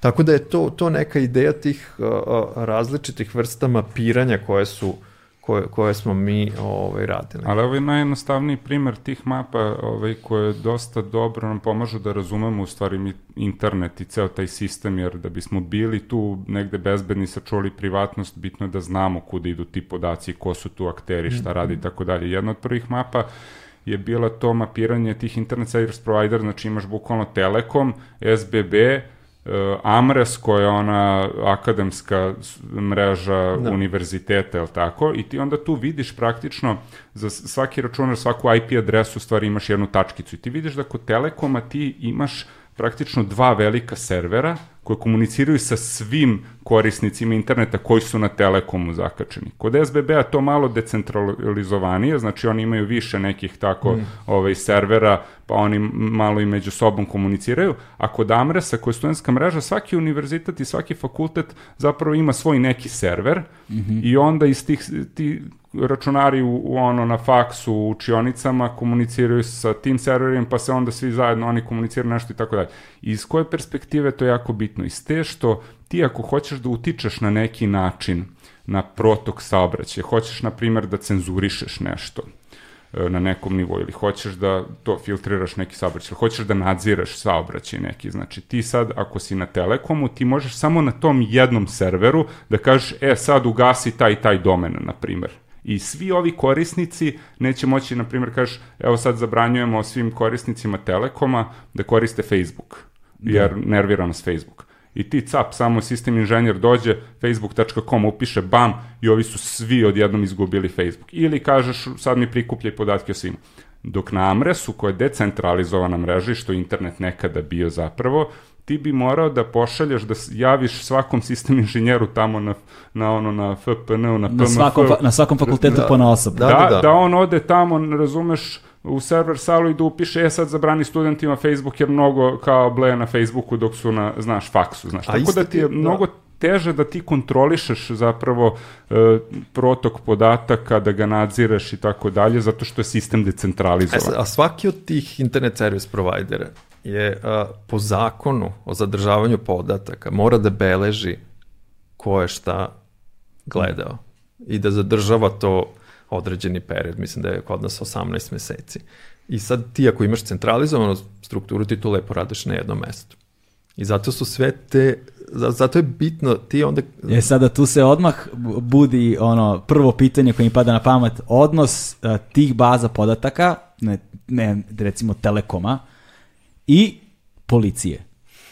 Da. Znaš kao, to je, znači, to, da koliko naša policija... To je odličan odnos.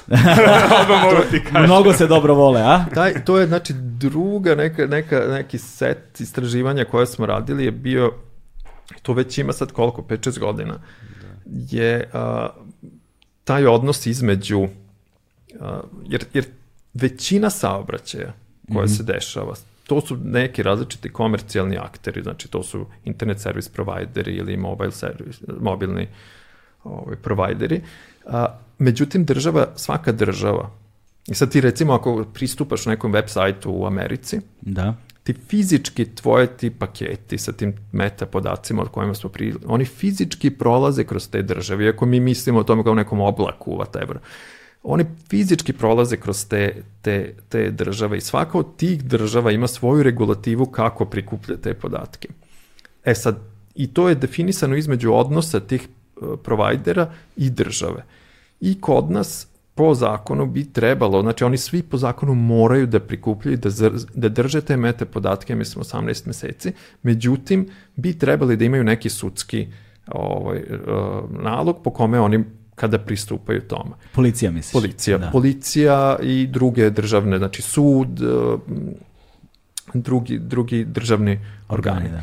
A, Poenta je u tome što je onda naša analiza, mi smo tu pritiskali, tada je još bio Šabić tu, poverenika za, za podatke od tralala, je uh, pritiskali, pritiskali, pritiskali, čak smo u, u jednom momentu mi pretili, mada je on bio predivan čovjek i institucija u stvari, mi smo pretili tužbom i onda da. smo dobili što su od nekih 300 strana kopiranih zapisnika sa tih sastanaka između, između poverenika i različitih tih službi. I onda smo na osnovu toga crtali opet te mape, koje u stvari mapiraju te odnose. I tu ima svega i svačega, znači, ali ni jedno nije dobro. U tada, tada je jedini koji je beleže uopšte, znači imao bazu toga kako policija pristupa, na primjer, ili i druge službe, znači ima vojnu i, i biju. A, ovaj, a, oni su beležili, ostali nisu ni beležili koliko ovi pristupaju. Znači, znači... I, i tu sad dijapazon ima čak i jedan od, od tih, koliko se ja sećam, uh, provajdera otprilike slao svako veče ono, ono listinge. A u drugom slučaju su ovi bili priključeni direktno kablom. U trećem da. slučaju imaju aplikaciju kroz koju pristupaju, koja se zove Moj MTS. Ne, tako nešto, ono, imaju, imaju da. koji logo svoj. Da, da. Mislim, da, to da, je da, program. Dakle, VB, BIA, DB, MUP, praktično, apsolutno, bez ikakvog nadzora, slobodno uzimaju kakve god žele podatke. Znači, bilo je za, za postoje podatak za, za, samo za Telenor, tačne brojke, da. je bilo 200 i nešto hiljada 200.000 je bilo, na primjer, 2012. 300.000 2013. već pristupa Šta? direktnih. Godišnje? Da. 300.000 pristupa direktnih godišnje policije. Da. I to samo, samo od policije. A, a, a je zanimljivo da su BIA i VB imali po hiljadu pristupa, na primjer, za tokom cele godine. Znači, policija je praktično ono na, na nivou, ne znam koliko je to puta minuta dnevno iz raznih nekih policijskih uprava, stanica i tako dalje, su svi imali username i šifru, da uđu u Telenor, upišu tamo tvoj broj ili tvoj ime Galeb i vide s kim si ti pričao, šta, kome si poslao SMS, na kojim si baznim stanicama bio uh, registrovan u tom trenutku ili u bilo kom trenutku poslednjih kao 18 meseci, ali se pokazalo kasnije mnogo više. Jer su ali ono što je meni tada, jer o čemu mi govorimo? Mi govorimo o, o, o procesu razumevanja, zato što to svi paralelno sazrevaju. Sazre, sazrevaju i službe, sazreva i naše razumevanje problema, sazreva i, i institucija poverenika. Mm -hmm. I uh, recimo poverenik još pre to 3, 4, 5 godina tu nije bio kapacitet uopšte da se može to dobro istražiti. Znači oni su dosta često zanemarivali zato što svi bolje razumeju mobilnu telefoniju, ko je koga zvao, znaš, to je ono u istoriji mi imamo to sad kao prisluškivanje, znaš Ali nije poenta u prisluškivanju, poenta je u prikupljanju meta podatak i zato je mnogo, ono što sam ti rekao ranije, mnogo intimniji odnos kroz brauzer, da, kroz da. pretraživač, ono što mi gledamo na internetu, nego sad ko, koga, ko uopšte koriste mobilni telefon. Dobro, za zvanje. Da, ali, ali a... pored toga je isto i da li su naša tri mobilna telefona sad zajedno ovde i to mogu da vide. Naravno, da. Tako je, Mislim, tako to, je. To, to je kao neko kao geolociranje, tako ono, je, geografsko tako lociranje. Tako je, tako je, tako je, Oni vide da su u ovom trenutku tog i tog datuma u toliko sati Filipov, Vladanov i Galebov telefon bili zajedno u istoj prostoriji tako na toj i toj adresi. Tako iz čega oni mogu da konstruišu koji god hoće scenario. Ako tako, hoće, tako. da, ali mislim to sad to kao paranoja, zdrava paranoja, da li si ti njima bitan ili nisi bitan, nebitno, bitno je da ti razumeš kako sistem radi, jer do te 2012. kad je poverenik prvi put uradio neki ozbiljni nadzor nad MUP-om, BIOM i tako dalje, sve je bila priča kao to da li te prisluškuju, da li mogu da dobiju informacije i tako da, dalje. Da. I, I načelno e, mobilni operator bi trebalo da ima ima odelenje koje odgovara MUP-u i na zahteve, znači mu bi trebalo zvanično pošalje zahtev sudskim nalogom, pa onda ovi odgovore ako, je, ako, ako ima e, svrhe da im daju podatak, ako je opravdano, onda im oni daju podatke, možda ne daju i tako dalje ovo je ono totalno divljaštvo, ono divlji Sa, zapad, bukvalno da. to. Sa meta podacima je nezgodno u stvari takođe je pitanje koliko oni se dugo čuvaju. Da. I sad, zbog čega? Ok, možda danas se oni neće iskoristiti da. Na da. taj način. Možda ne postoji kapacitet za analizu toga, ali za 10 godina će vrlo postojati. A čuvaju ovaj. se, jer imamo sad slučaj skoro onih braće Bitića koji su Tako nešto je. ubijeni 99. na primer, da. i to se ne zna i dalje ko, je, ko ne znam, nije, nije rasvetljen slučaj, i onda ministar policije sad skoro izlazi s informacijama kako je u tom trenutku ne znam koji brojevi telefona su bili na tim baznim stanicama, na tim lokacijama. Znači su oni povukli podatke iz 99.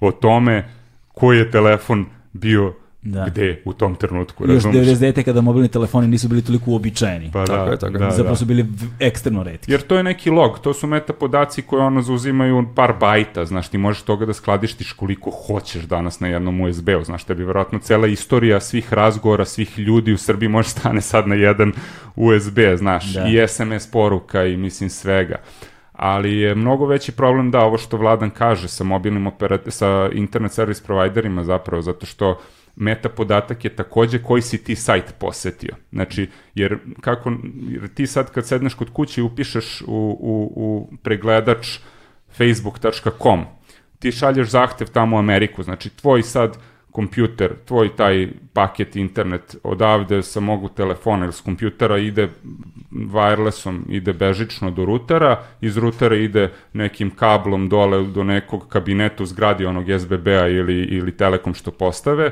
pa odatle ide nekim kablom opet u neki tu bli, najbliži malo veći ruter, pa odatle ide u gradski neki, se, neki data centar, pa iz tog data centra ide možda neki ono, ne znam gde, pa ide u Frankfurt, koji je kao neki e, internet exchange point takozvani, to je kao neki aerodrom za sav saobraćaj kao iz celog ono iz cele Evrope, pa odatle ide ne znam negde u Britaniju, gde ga opet tamo sigurno isto nešto kopiraju ovo ono, pa prelazi one kablove i to sve ide kablovima uglavnom, jedino je bežično ovo sad odavde e, do iz mog telefona do rutera, to je jedino bežično slanje, sve to dalje ide kablovima i stigne tamo u, u Ameriku negde za nekoliko milisekundi i onda ti vrati celu tu informaciju i tebi se otvori Facebook, razumeš? I na svim tim mestima su oni čuvali negde te meta podatke da si ti posetio Facebook. Sad, ok, nije problem posetiti si Facebook, ali posetio si, ne znam, ono, Pornhub, razumeš, da, ili da, da. ne znam ono šta. I to sad internet service provider tvoj, to je SBB ili Telekom,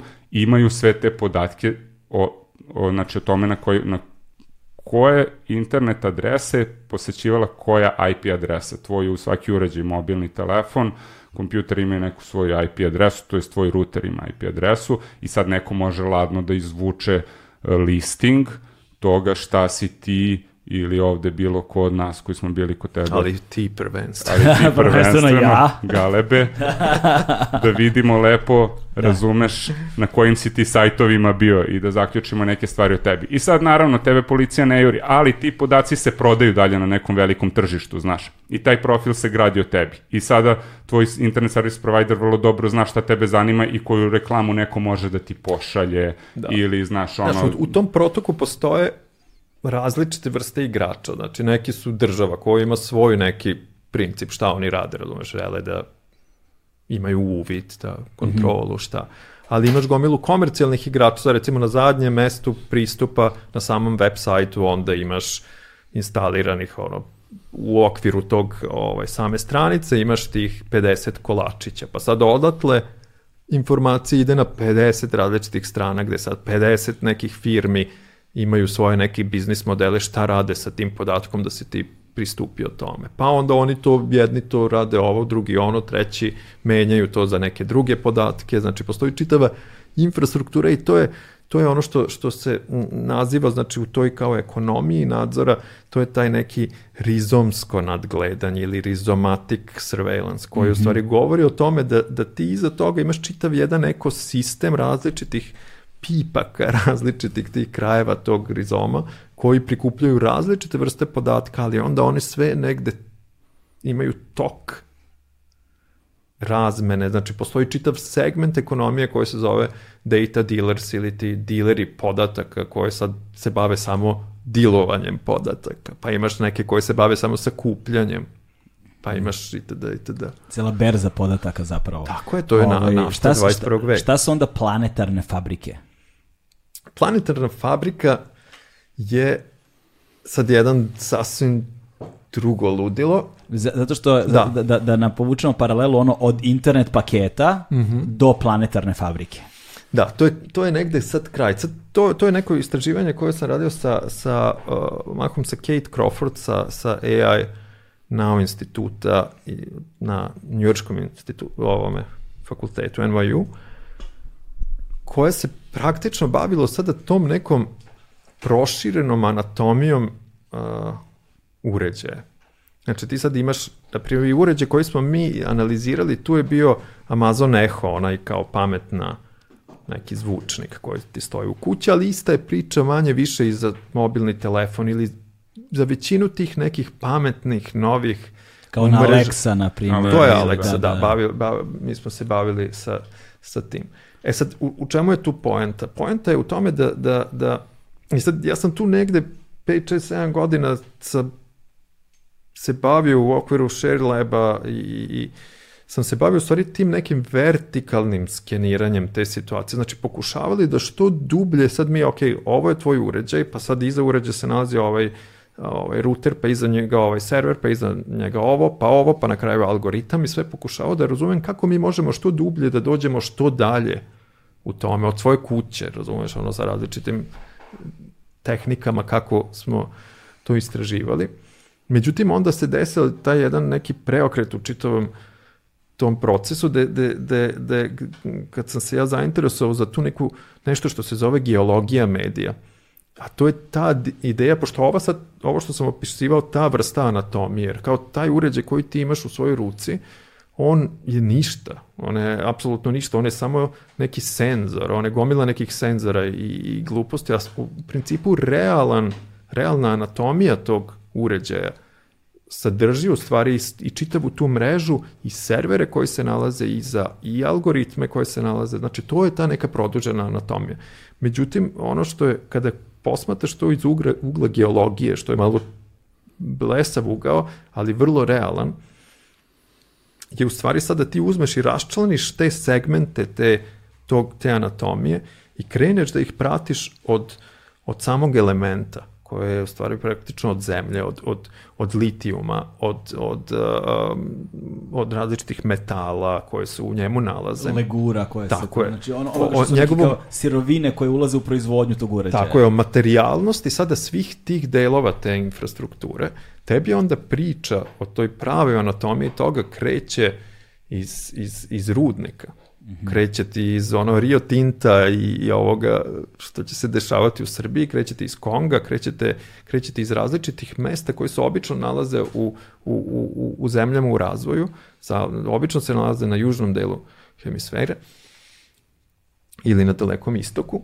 I onda ti praktično kada, kada gledaš to u, u smislu uh, uh, kreneš priču od toga i gledaš šta se dešava sa tim rudama, kako se one pretvaraju u te elemente, u te komponente tih uređaja, onda je priča sasvim drugačija. Onda više ne pričamo o problemima privatnosti, problemima o, o, sigurnosti, nego pričamo praktično o jednom planetarnom sistemu koji se nalazi iznad, iza toga, koji je u stvari planetarni sistem koji je baziran na eksploataciji ljudskog rada i eksploataciji prirode.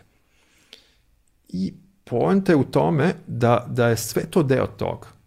Da mi ne treba da se, za, ako, ako pričamo o digitalnom, to digitalno nisu ti pikseli samo, digitalno su i uređaj i digitalno su i rudnici, koji su deo u stvari pro, proizvodnje digitalnog a, prostora ili digitalnog sadržaja. I ti onda tu ulaziš u jedno ludilo a, različitih procesa i različitih odnosa u kome vidiš da sada, znaš, ono, ti da bi, da bi ti u jednom iPhoneu imaš tri četvrtine periodnog sistema elemenata koji dolaze od svuda. I to je jedan opet rizomatski, praktično fraktalni sistem mm -hmm. eksploatacije. Znači stotine i stotine različitih firmi i kompanija, izvođača učestvuju u tom procesu. I, i količina eksploatacije, ono kao prirode je neverovatna koja se tu dešava u, u svemu tome. To je ta najšira moguća anatomija i to je sve ta planetarna fabrika o kojoj pričamo. Znači, to da tebi dođe uh, paket na vrata od Amazona je rezultat planetarne fabrike. Jer ti ako to sve raščlaniš do, do toga, shvatit ćeš da, da ti tu imaš ono kao tri četvrtine planete učestvuje u tome. Da, i tu dolazimo zapravo do sledeće tematske celine, a to je nematerijalan uh, rad i kapitalizam nadgledanja u suštini.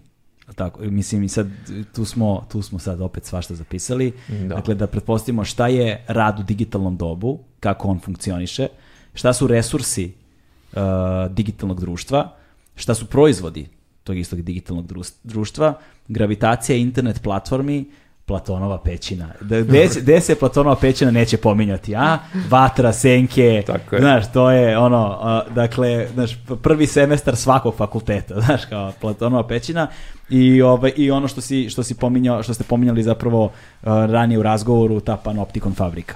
Tako da, hajde da počnemo sa tim nematerijalnim radom i, i, i, i kapitalizmom nadgledanja. Hajde. Hajde.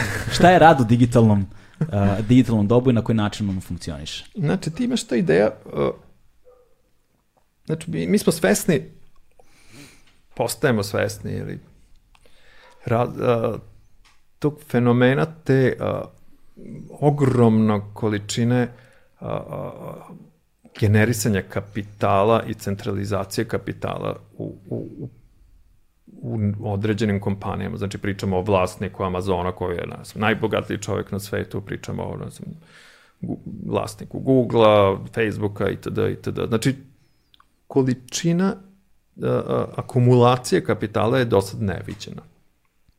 I sad kada ti uzmeš i kreneš da, da, da raščlanjuješ kao šta, čim, čime se bave ove firme, šta je u ovom proizvodnom procesu ko je radnik, ko je resurs i šta je proizvod. Mm -hmm. I sad imaš ono tu kao proizvod, smo svi mi, naši profili su proizvod, proizvode informacija, ok, to je negde ono jasno, ali ko je radnik?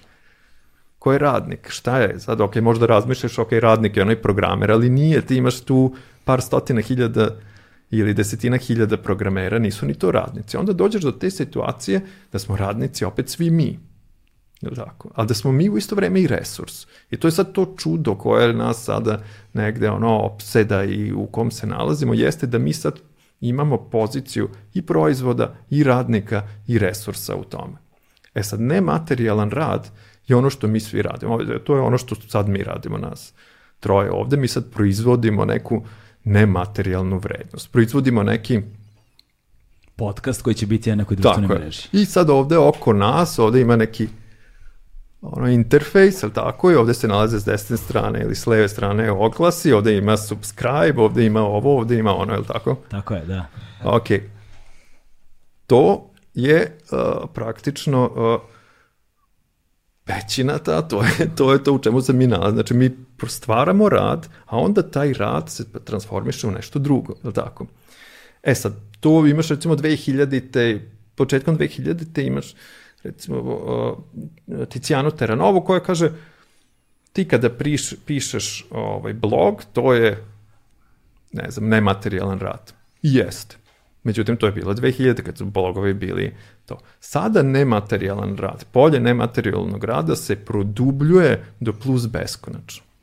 Zašto? Znači, ti sad recimo stavio si smajlija ili tužića na, na Facebook komentaru to je nematerijalan rad. Tvoja emocija je rad. Tvoje šetanje kroz prostor je rad. Sve što mi uradimo i sve što je kvantifikovano je rad koji se onda pretvara u proizvod, je tako? To je resurs. Znači, pod jedan, mi se bavimo proizvodnjom tog resursa, tih podataka koji se onda eksploatišu. To je ta ideja nematerijalnog rada. E sad, stvari u tome što... što... Zapravo ono, tvoj ustajanje iz kreveta, gledanje u telefon, odlazak u prodavnicu, uključivanje nekog kablovskog kanala, pretraživanje u društvenim mrežama, dopisivanje s ljudima, odeš u prodavnicu, šta si kupio, vratio se kući i taj put od kuće do prodavnice i nazad, to je sve zapravo rad. Tako. To su sve zapravo neki podaci koje ti negde, zato što ti telefon u džepu otišao se tačke A do tačke B, proizveo si neki podatak o sebi i koji istovremeno utiče i na društvo u kojem se nalaziš Tako. i upotpunjuje sliku tog društva i tebe kao pojedinca u Tako neku je. demografiju, u neku ciljnu grupu, u neki spektar proizvoda koji sutra može da ti se reklamira, plasira i da će za te reklame oni da uzmu pare. I sad mi, mi imamo, znači, mi se nalazimo, svako od nas se nalazi negde možda drugde u, u, u tom čitavom proizvodnom sistemu koji je baziran na, na toj eksploataciji Znači, mi sad, eto, proizvodimo neki kontent, pa smo mi sad srećni. Znači, ja sam, ok, srećan, zato što tvoja ona emisija je viđena, pa ću ja sad da dobijem tu neke reputacione poene. I to je ta reputacijna ekonomija. Sad će meni biti super, zato što sam ja kao došao ovde i zato što sam zaradio reputacijne poene, pa će me još neko zvati negde drugde, pa ću držati predavanje, pa ću kao dobiti neki honorar. Da, da. I sad svi mi učestvujemo u tome na različite načine. Ok, ali iznad nas, mi se svi nalazimo praktično u jednom a, a, arhitekturi gde sada tih 2, 3, 4, 5, 7 kompanija vrše eksploataciju toga. I niti ja, niti ti će biti ti koji će zaraditi milijarde, ali onaj ko se nalazi iznad toga, ko u stvari osmišljava tu arhitekturu i ko, ko je vlasnik te arhitekture, on generiše ogromne količine ovaj, zato što je ovo sve jedna fabrika u kojoj se mi nalazimo. Da, zapravo ono što mi radimo i ono čime se mi zadovoljavamo su nekakve mrvice sa trpeze koju, ko, ko, pa, koji se oni go, go, goste u suštini. Tako je, ti možeš da uzmeš pa da pogledaš sad, sad spisak najbogatijih ljudi na svetu. Jedan je ono napravio logistički sistem te planetarne fabrike, dug je ono napravio, ne znam, ono, socijalnu mrežu, treći je napravio ono gde stavljaš taj video koji smo mi proizveli, razumeš, četvrti je napravio operativni sistem, znači da. to su to, to, oni, oni su vlasnici fabrike.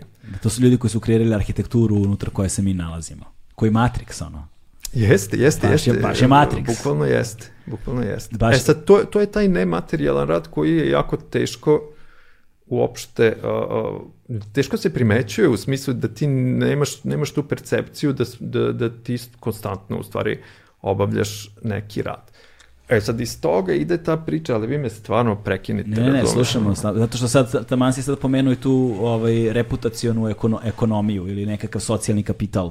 Tako je, tako da. je. Svi mi negde, sad, reputacioni sistemi, tu sad dolazi priča gde ti sad, gde ulaze ti algoritmi i to. Pa doćemo i do algoritama, šta je zapravo algoritam, da, ali on, polako. Ali, ali, dobro, znači ti sad imaš uh, na osnovu sada proizvodnje tog nematerijalnog rada, mi bivamo tagovani, bivamo e, kvantifikovani koliko ljudi je srećno, koliko ljudi je nesrećno, koliko ljudi je to podelilo, koliko je ovo, koliko ako pređeš 100.000 dobit ćeš 100 dinara ili ne znam nija već šta će ti se bukvalno desiti. 100 dinara. da, bukvalno, da, da. Na osnovu, na osnovu YouTube CPM-a za Srbiju odmah ću ti reći da je tako nešto otprilike. pa da, da, da, da, da. Ali, ali i sada, sada tu postoje različiti sistemi, različiti algoritmi koji sad u stvari formiraju a, a, način na koji se mi sad, drugi deo toga nisu samo algoritmi, nego i sam interfejs. Znači kao pre kada je Instagram bio kocka ili kvadrat, mm -hmm. ono, svi studenti su pravili fotografije kvadratne, razumiješ, i, da. ili da, da. sve se, znači tebi i sam interfejs, interfejs je u stvari ono što je kao onaj, kako se zove, kao onaj, onaj, onaj nije kao box, nego ovaj... Modla. Kalup. Tako je, kalup kroz koji ti koji ti određuje na koji način će, ćeš se ti izražiti. ili nećeš. Da, seđ, sećam se pre nekoliko godina ako snimaš vertikalni video je bio najgori greh na svetu, ono, vidi A ga da, ovaj, da, da, da. Najgora stvar u vezi s ovim videom je što je snimam vertikalno, sad svi snimaju isključivo vertikalne videe, ono. Tako, znači, interfejs je, je, je, je praktično neka vrsta uh, ograničenog sistema koji ti određuješ na koji način ti radiš stvari. I onda na to imaš reputacijonu ekonomiju koja funkcioniše na nivou tih srca, šerova ili, ili već, ovaj, već čega. E sad, gde smo, to je sad ta pozicija radnika koju mi imamo, neplaćenog rada najčešće, mm. ovaj, i resursa isto, zato što mi proizvodimo taj osnovni resurs i onda na kraju mi bivamo to što mi uradimo, bivamo pretvoreni u proizvod, zato što na kraju se to sve prodaje kao, i to je ono što, što na primjer, Chomsky ima tu priču sa, sa ovim, um, kao u klasičnom ovaj, magazinu ili to, uh, proizvod nije, nisu, nije ovaj, sam magazin, nego publika koja se prodaje. Zbog toga što ti, ne znam, verovatno evo, iza, iza, iza ovaj, ovaj podcast je to negde možda biznis model, da li sekundarni ili tercijalni kroz Google, ali, ali uh, znači zašto? Zato što ni, nijedan magazin ne živi više od prodaje magazin, nego svi žive od oglasa. I onda ti praktično, šta ti, je, šta ti je proizvod? Proizvod je magazin koji odnosiš tamo i ti prodaješ u stvari kupce koji su onda tagovani, koji su, čitaoci ovog magazina su mahom 67% muškarci, toliko žene, tog i tog staleža, tog i toga, toga. Oni jesu, oni Tak- su proizvod. Takvih i takvih interesovanja Tako i onda u skladu sa time idu, se plasiraju reklame. Tako a u, u, u novoj ekonomiji a, proizvod je, je ta sagregacija tih ciljnih grupa je u stvari dovedena do maksimuma u smislu da je krajnji proizvod svaki pojedinac za sebe kao ciljna grupa. Zato što zbog tog praćenja, zbog, zbog tih eh, prikupljanja podataka, analize podataka i toga i toga, ti si na kraju sveden na ciljnu grupu kao jedan. Znači možeš da ono, i prodaješ se, to je taj proizvod. E sada, kada govorimo, reci, Ne, ništa, samo sam hteo da kažem kako mi je strava ta ideja sad, mislim, tog e, nematerijalnog rada i ta nova ideja da taj naš nematerijalni rad i svi ti podaci koje mi stvaramo u stvari treba da se stave u oblik NFT-a.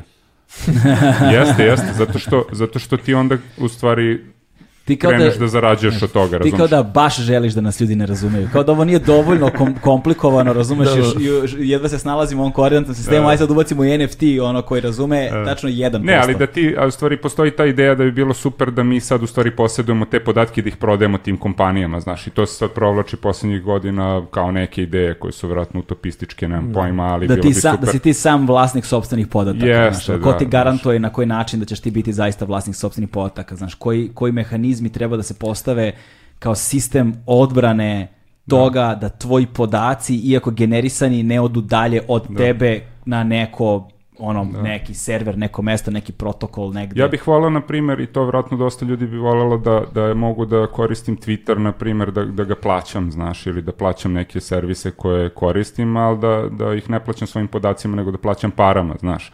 A da onda te podatke koje generišem ja prodam posle negde, a ne taj neki data dealer koji ja ni ne znam da postoji, razumeš, koji sad okolo valja neke moje podatke, razumeš, svuda nekim kompanijama, znaš. Tako da to sad, samo sam hteo da pomenem tu neku paradigmu gde kao u budućnosti u nekoj utopističkoj možda možemo krenemo se Da, kreći. Tu ima druga, druga priča tu koja, koja se negde nazire i koja se pominje, jeste taj basic income koji sad kažu, ok, evo, Universal Basic Income. da, da, koji mi kao, znaš, ok, generisali ste to na našim podacima, najlakši način jeste da se to sad vrati Da. nekom, ono, Kroz, ne, kroz- kroz, kroz neka, takav sistem, Da, kroz da. nekakvo univerzalno neku primanje. tuplicu, kroz neku platicu malo. da, da, da. Znaš, kao, brate, znaš, aktivan sam na fejsu, ono, i, znaš. ali, Pa ali da, s obzirom na to koliko novca zarađuju, mogao bi ceo svet da. zapravo da dobije nekakve, ono, nekakva minimalna primanja koja bi ti obezbedila elementarne neke egzistencijalne, znaš, e sad, ako počnu da ih ono geo targetiraju u odnosu na ekonomije zemalja, opet nećemo dobro proći. Ali tu,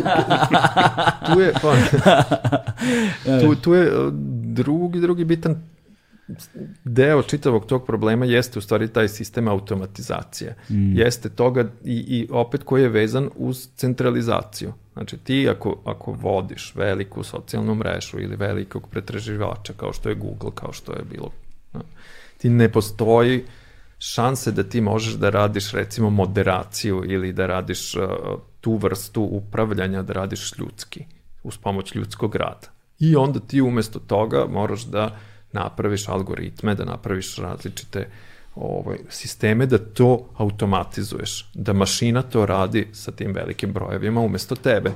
I od, ta, od toga dolazi gomila problema u ovom sistemu jeste što sada ti algoritmi, ti sistemi automatizacije su uvek nepravedni. Ne, ne postoji ni jedna ša, ne postoji, ja mislim čak ni teoretska šansa da ti možeš da napraviš savršeni, zato što matematička jednačina, statistika, uvek nekog oštećuje. Ne možeš da, da I, a to se, amp, to se povećava, amplifikuje puta hiljadu, zato što ti to primenjuješ odjednom sada na celokupno društvo. Da. I, Imaš, imaš, da. S druge, s druge strane, sami softveri i hardveri kao takvi uh, podložni su greškama zato što su ih proizveli ljudi koji su podložni greškama. To je ono, kao, kao, kao što se recimo u tim a, a, a, softverima za prepoznavanje lica prva stvar koju su u Sjednjim američkim državama primetili jeste rasizam koji je yes. duboko implementiran Tako. unutar tih sistema prepoznavanja.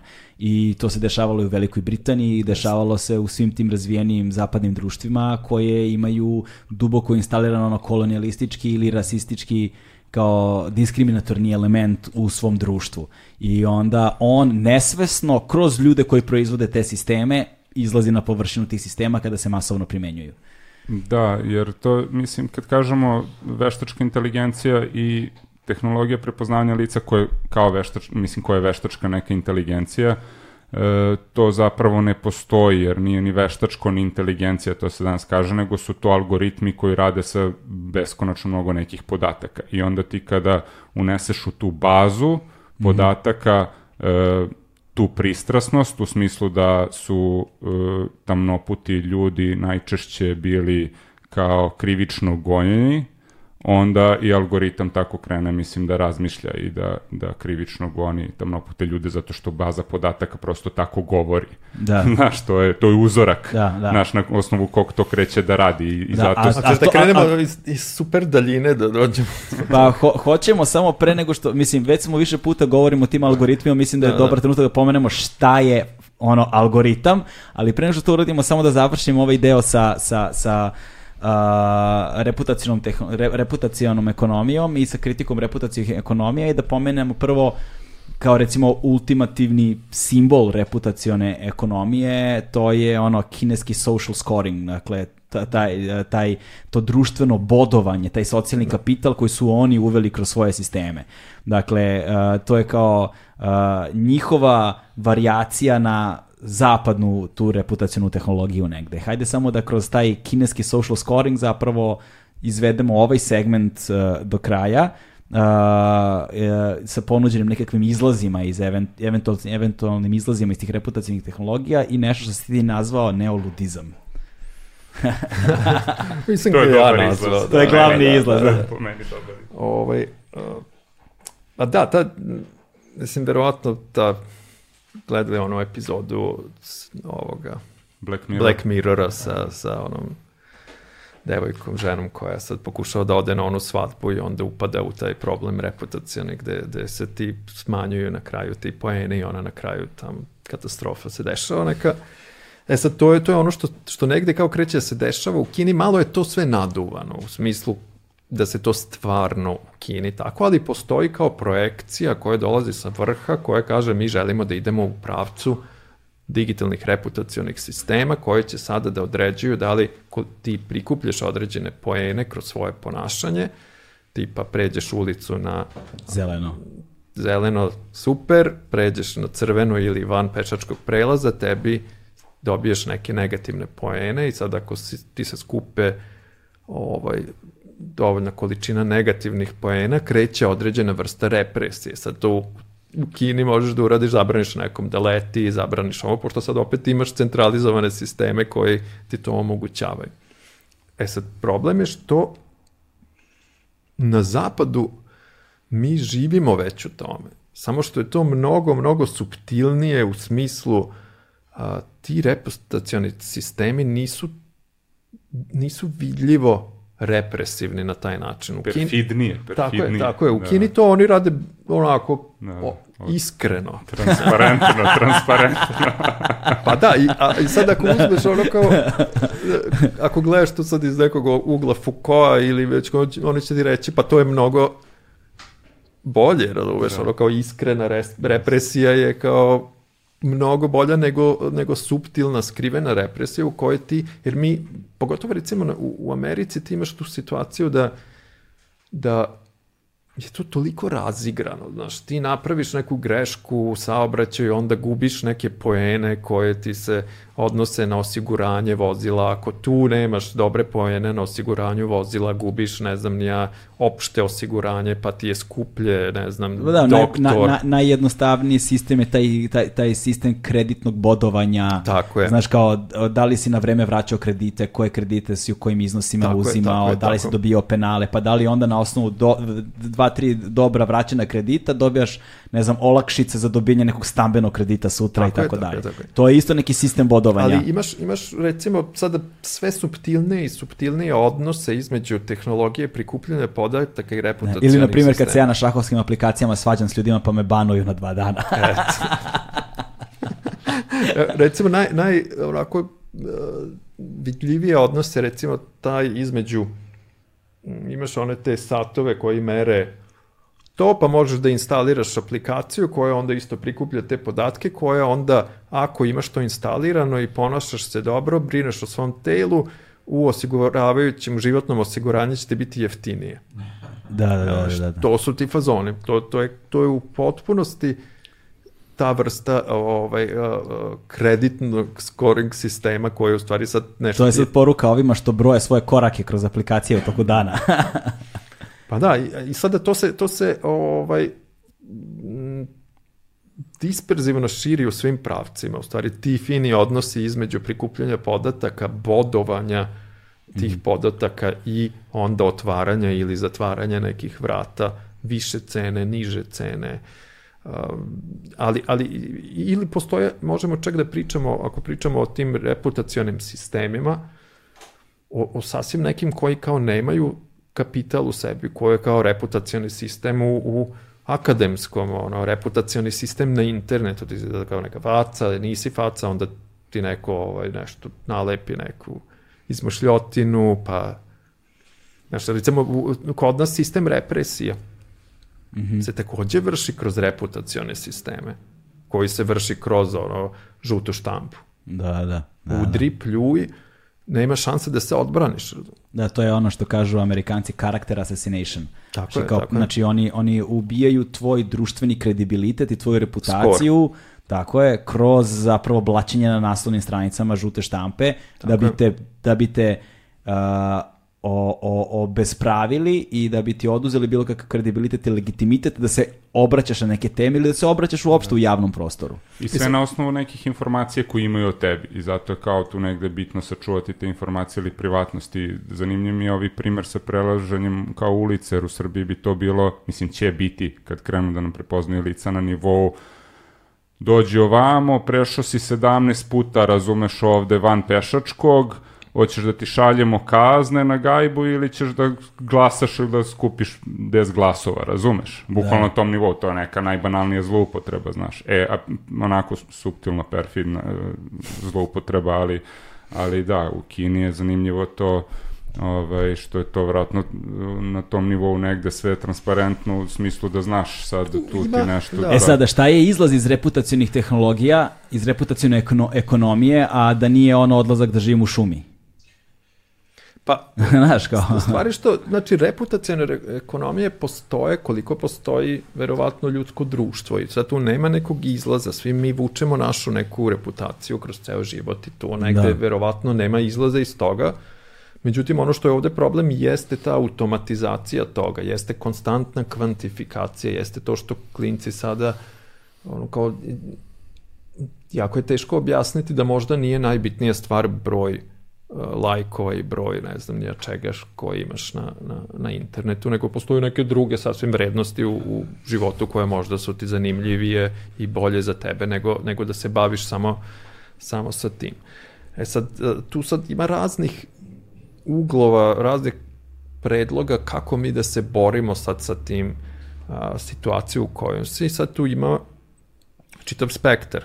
Imaš sad ove koji veruju u to da mi to sad možemo iznutra. Da, mm -hmm. Znači, ok, postoji Facebook, tu je, da. ne možemo ga ono, uništiti, ali ajde da se borimo da on bude bolji. I sad taj sistem negde priznaje tu ultimativnu moć koja postoji, ali eto, mi sad svi pomažemo da taj sistem bude bolji, transparentniji, da su algoritmi ovakvi, da su, ovo, ono, ono, to je znači iznutra. Ima drugi sistem koji je mnogo možda interesantniji, jeste mogućnost da napravimo mi sad neki novi, drugu platformu, drugi sistem, znači to je sad to ideja da sad se napravi neka bolja mreža, na primjer, ne znam, dijaspora koja će biti tako, tako, tako, tako organizovana ta socijalna mreža, da je svako po nekim drugim etičkim vrednostima. Jer etičke vrednosti ovog sistema u kom se sad nalazimo, recimo ako pričamo o Facebooku, je ono ko generisanje profita bez ikakvog učešća. Znači, ako bi sad trebali da kao, kažemo, koja je to vrsta države, sad postoji priča, sad je pre par dana bila kao, predlog da Google, Facebook i ovo uđu u Ujedinjene nacije, razumeš, kao imaju predstavnika, pošto kao vladaju, imaju, moćni su, pa i treba i oni da tu što da, oni su zapravo ono, digitalne države. Pa Mislim. da, da, ali onda uzmeš kao koja je to sad vrsta ili to kao demokratija, kao nisam siguran, da li tu postoji neko glasanje za nešto, ono da se da. promeni nekim, nije, razumeš, to autokratija jeste, kakva vrsta autokratije, znaš, kao koji, kakav je to sistem. Tako da je to vrlo, sad postoji ideja da ti možda napraviš neki drugi, bolji sistem, bolju platformu koja će biti bazirana na drugim nekim vrednostima. Treće je to što sam tu ovaj, naveo, taj neki neoludizam, jeste da mi tu uzmemo sve polupamo, zapalimo i odemo u šumu i živimo srećnije, dakle, bolje. Dakle, to je ipak ono, gla, ključna stvar, a? Pa ne znam, ni, da opcije, postoji spektar opcije, sad možda je nešto bolje, ne, nešto gore. Ok, hajde onda da objasnimo sada šta je algoritam. Dakle, pošto algoritmi, kažemo, u toj produženoj anatomiji uređaja i sistema i kada posmatramo sve i ono, imaš telefon u ruci i ekran, iza njega su neki konektori, čipovi, ne, ne, naš nekakvi ono periodni sistem elemenata, iza toga su nekakvi softveri, nekakvi serveri, nekakvi data centri, naš u kojima se ono, pa onda se to, ne znam, na Islandu skladišti u podrumima ili ono ogromna postrojenja u, u pustinjama koja se hlade ne znam kako i tako dalje, a iza svega toga stoji algoritam. Tako? I mi danas kada govorimo o YouTube-u i kada govorimo o Instagramu, kada govorimo o bilo čemu, evo mi smo, ne znam, na jednom podcastu smo pričali o trenažnim biciklima, u, otišao sam posle 20 minuta, seo u dnevnu sobu i izašle mi reklame za trenažne bicikle. Znaš, i to se stvarno dešava. Ovaj, de, javljali su mi ljudi koji su slušali podcast, e vidi, slušao sam podcast vaš o trenažnim biciklama, izašao mi reklama za trenažne bicikle, šalju mi screenshotove na, na, da, da. na, na, u porukama. Znaš. Tako da, ovaj, uh, i, i, ka, i šta ka, kad govorimo o tome, kažemo algoritam je taj koji upravlja. Ali šta je algoritam? Kada je taj algoritam nastao? Koga je izmislio? Šta je, šta, šta konstituiše algoritam? Kako ti algoritmi zajedno onda čine to što čine? Dakle, uh, kada bi pitao dete od pet godina, pitao dete od pet godina, Čiko, šta je algoritam? Šta bi mu rekao, šta je algoritam? Evo, ja ću samo malo pa onda fičiti leti. ne, ne, slobodno vladanje. Ako neko istražava algoritme kao na ovom svetu, onda je to vladan, znaš, ne, da, da, ne kao u Srbiji. Da, da, da, da. To. pa, pazi, algoritam je ništa drugo do, ja sad razmišljam, zato što je rekao pet godina, da, da li smem da kažem jednačina. Mm. Ali, ajde da prejednačine, da kažem pravilo. Pravilo. Neko pravilo neko doneo, sprovodi neko pravilo. To je algoritam. Da, malo dalje da produbimo, to je jednačina koja sad kaže na pešačkom prelazu imaš 60 sekundi za crveno i 10 sekundi za pešaka. Taj algoritam, to je pravilo, određuje koliko ti dugo stojiš na pešačkom prelazu i određuje negde odnos između ljudi i mašina. I negde favorizuje sad ovoga u automobilu u odnosu na ovoga koji šeta. I sad ti od tako jednog sitnog pravila, sitnog ti u stvari možeš da razviješ sada čitav odnos između nas, prirode, da li ti sad favorizuješ, kakav sad uticaj tih 60 u odnosu na 10 sekundi ima na proizvodnju CO2. Jel tako? I to je problem sa tim pravilima, što se ona kao ono butterfly efekt, ono imaju neka svoje konsekvence, jel tako? Da. E sad, a, mi u našem društvu, ajde, predigitalnom društvu, imaš pravila, radiš 65 godina, ideš u penziju i dobiješ po tom i tom ključu, tom pravilu, tim bodovima, dobiješ toliko i toliko para u odnosu na koje preduzeće se radio. Pravilo. Za to pravilo je, pitanje sad opet donao ko? Kroz proces biranja skupštinskih, ovih, onih, ti si negde predložio nekoga ko umesto tebe odlučuje o tom pravilu. Dobro. U digitalnom prostoru takav, prostor, takav proces ne postoji. A imaš milijarde pravila koje sad odrađuje, na primjer, ako se vratimo na Facebook, imaš na hiljade i hiljade hiljade različitih algoritama, različitih pravila koje određuju na kraju to šta ćeš ti videti ili nećeš videti. To za koje pare ćeš biti prodan ili nećeš biti prodan. To su, ta, to su ti algoritmi. E sad stvare što, što, i to je sad vezano za taj proces kome sam pričao, proces automatizacije. Da bi ti sad mogao da vodiš jednu centralizovanu autokratsku platformu, ti moraš da outsourcuješ praktično ljudski rad za, i umesto ljudskog rada da staviš pravila, algoritme koji to rade automatski. E sad, stvar je u tome što, na primer, unutar Facebooka ti algoritmi, ta načine na koje se eksploatišu ti podaci obrađuju, imaš hiljade i hiljade koje deluju paralelno. Tako da, jako je teško odrediti kao šta je stvarno rezultat čega, zašto ja vidim ovo. I one negde tebe kao ljudsko biće u stvari smeštaju u jedan koordinatni sistem ili hiljade različitih koordinatnih sistema ili ti neki multidimenzionalni statistički prostor gde si ti negde tu i onda od toga zavisi sve. To je to, je, to, je to što se dešava. E sad, gde tu leži dubina problema? Nije samo u procesu automatizacije gde tebe sad ti se to desi onda se tebi nešto prikaže ili ne. Jeste u tome što, što takav vrsta pristupa, uopšte ideja da ti možeš da, da na neki način to tako automatizuješ je, je problematično. Zato što ne postoji ni jedna jednačina koja, i to je sad recimo imaš, imaš ideju tome sad Facebook i Google i ostali treba da, da ne znam, odrede šta je tačna, šta je netačna vest, šta je fake news, šta nije fake news.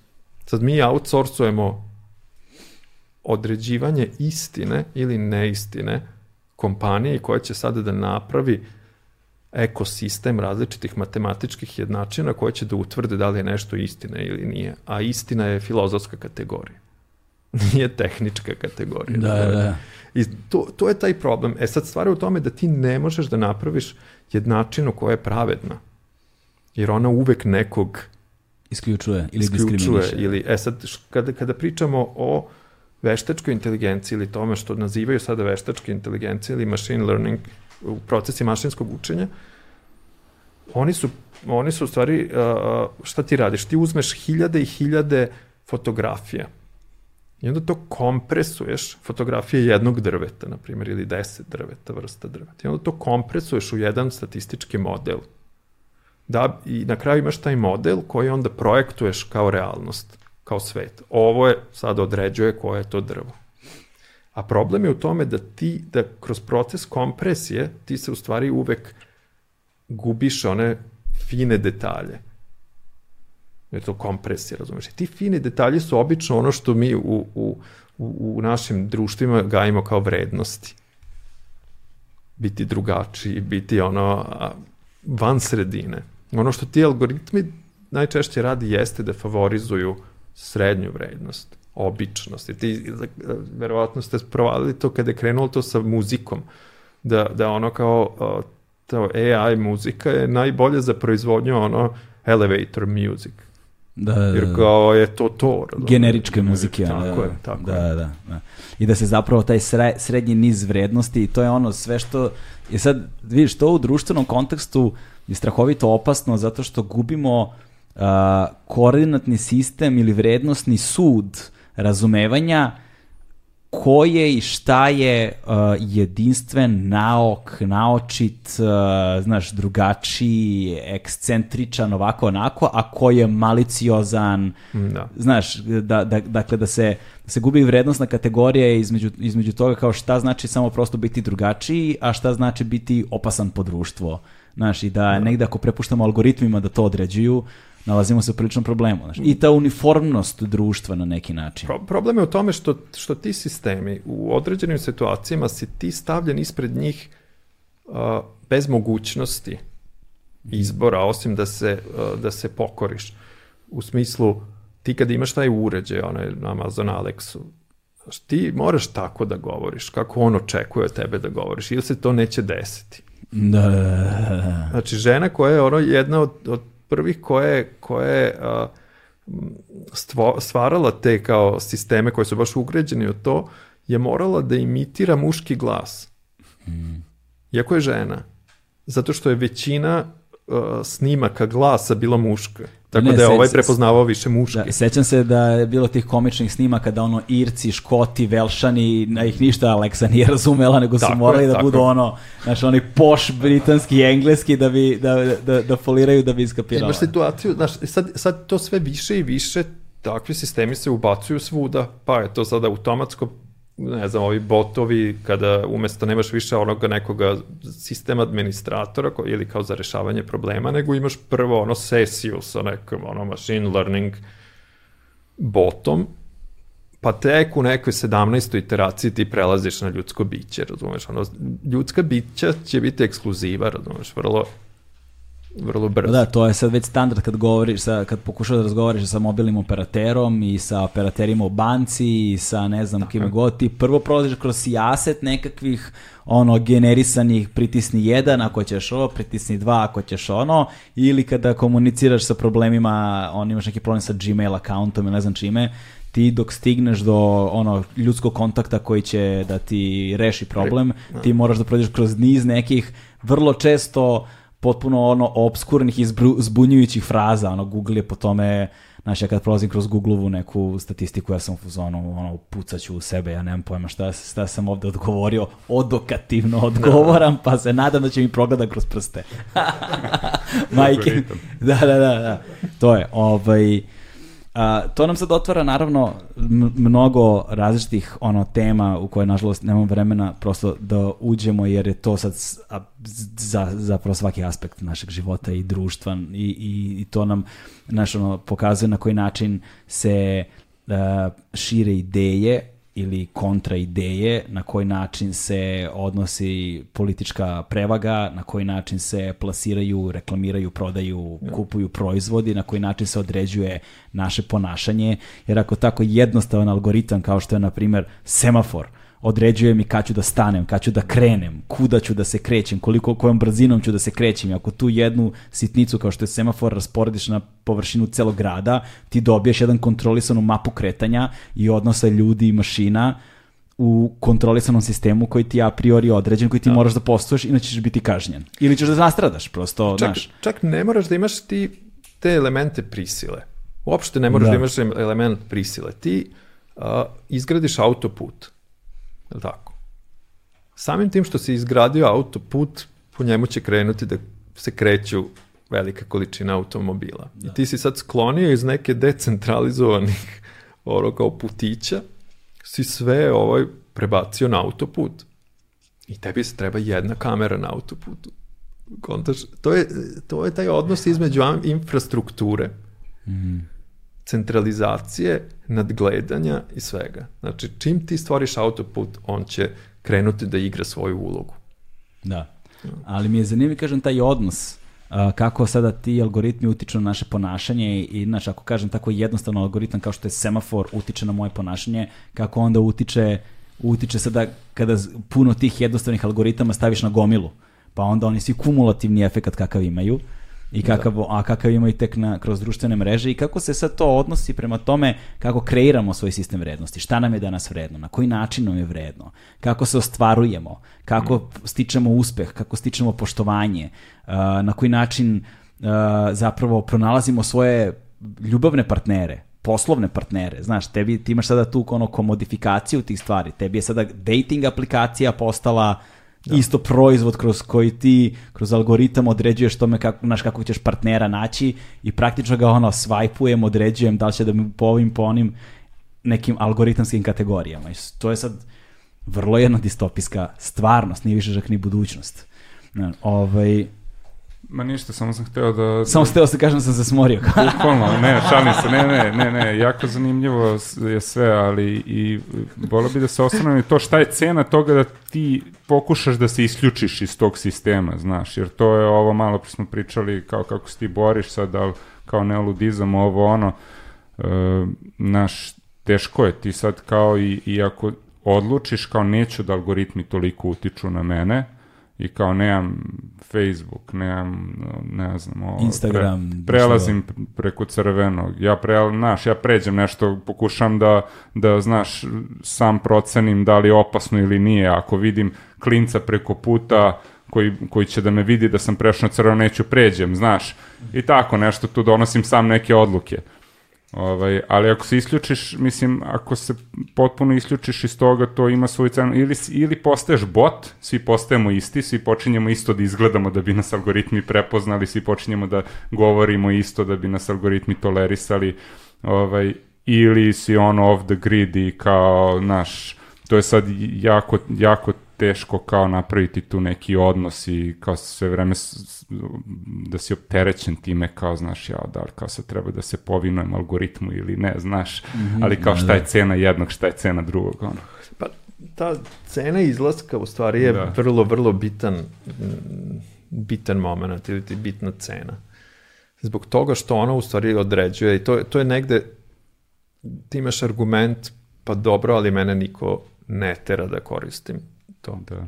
Ali, ali je sada cena nekorišćenja mm. je postala preogromna.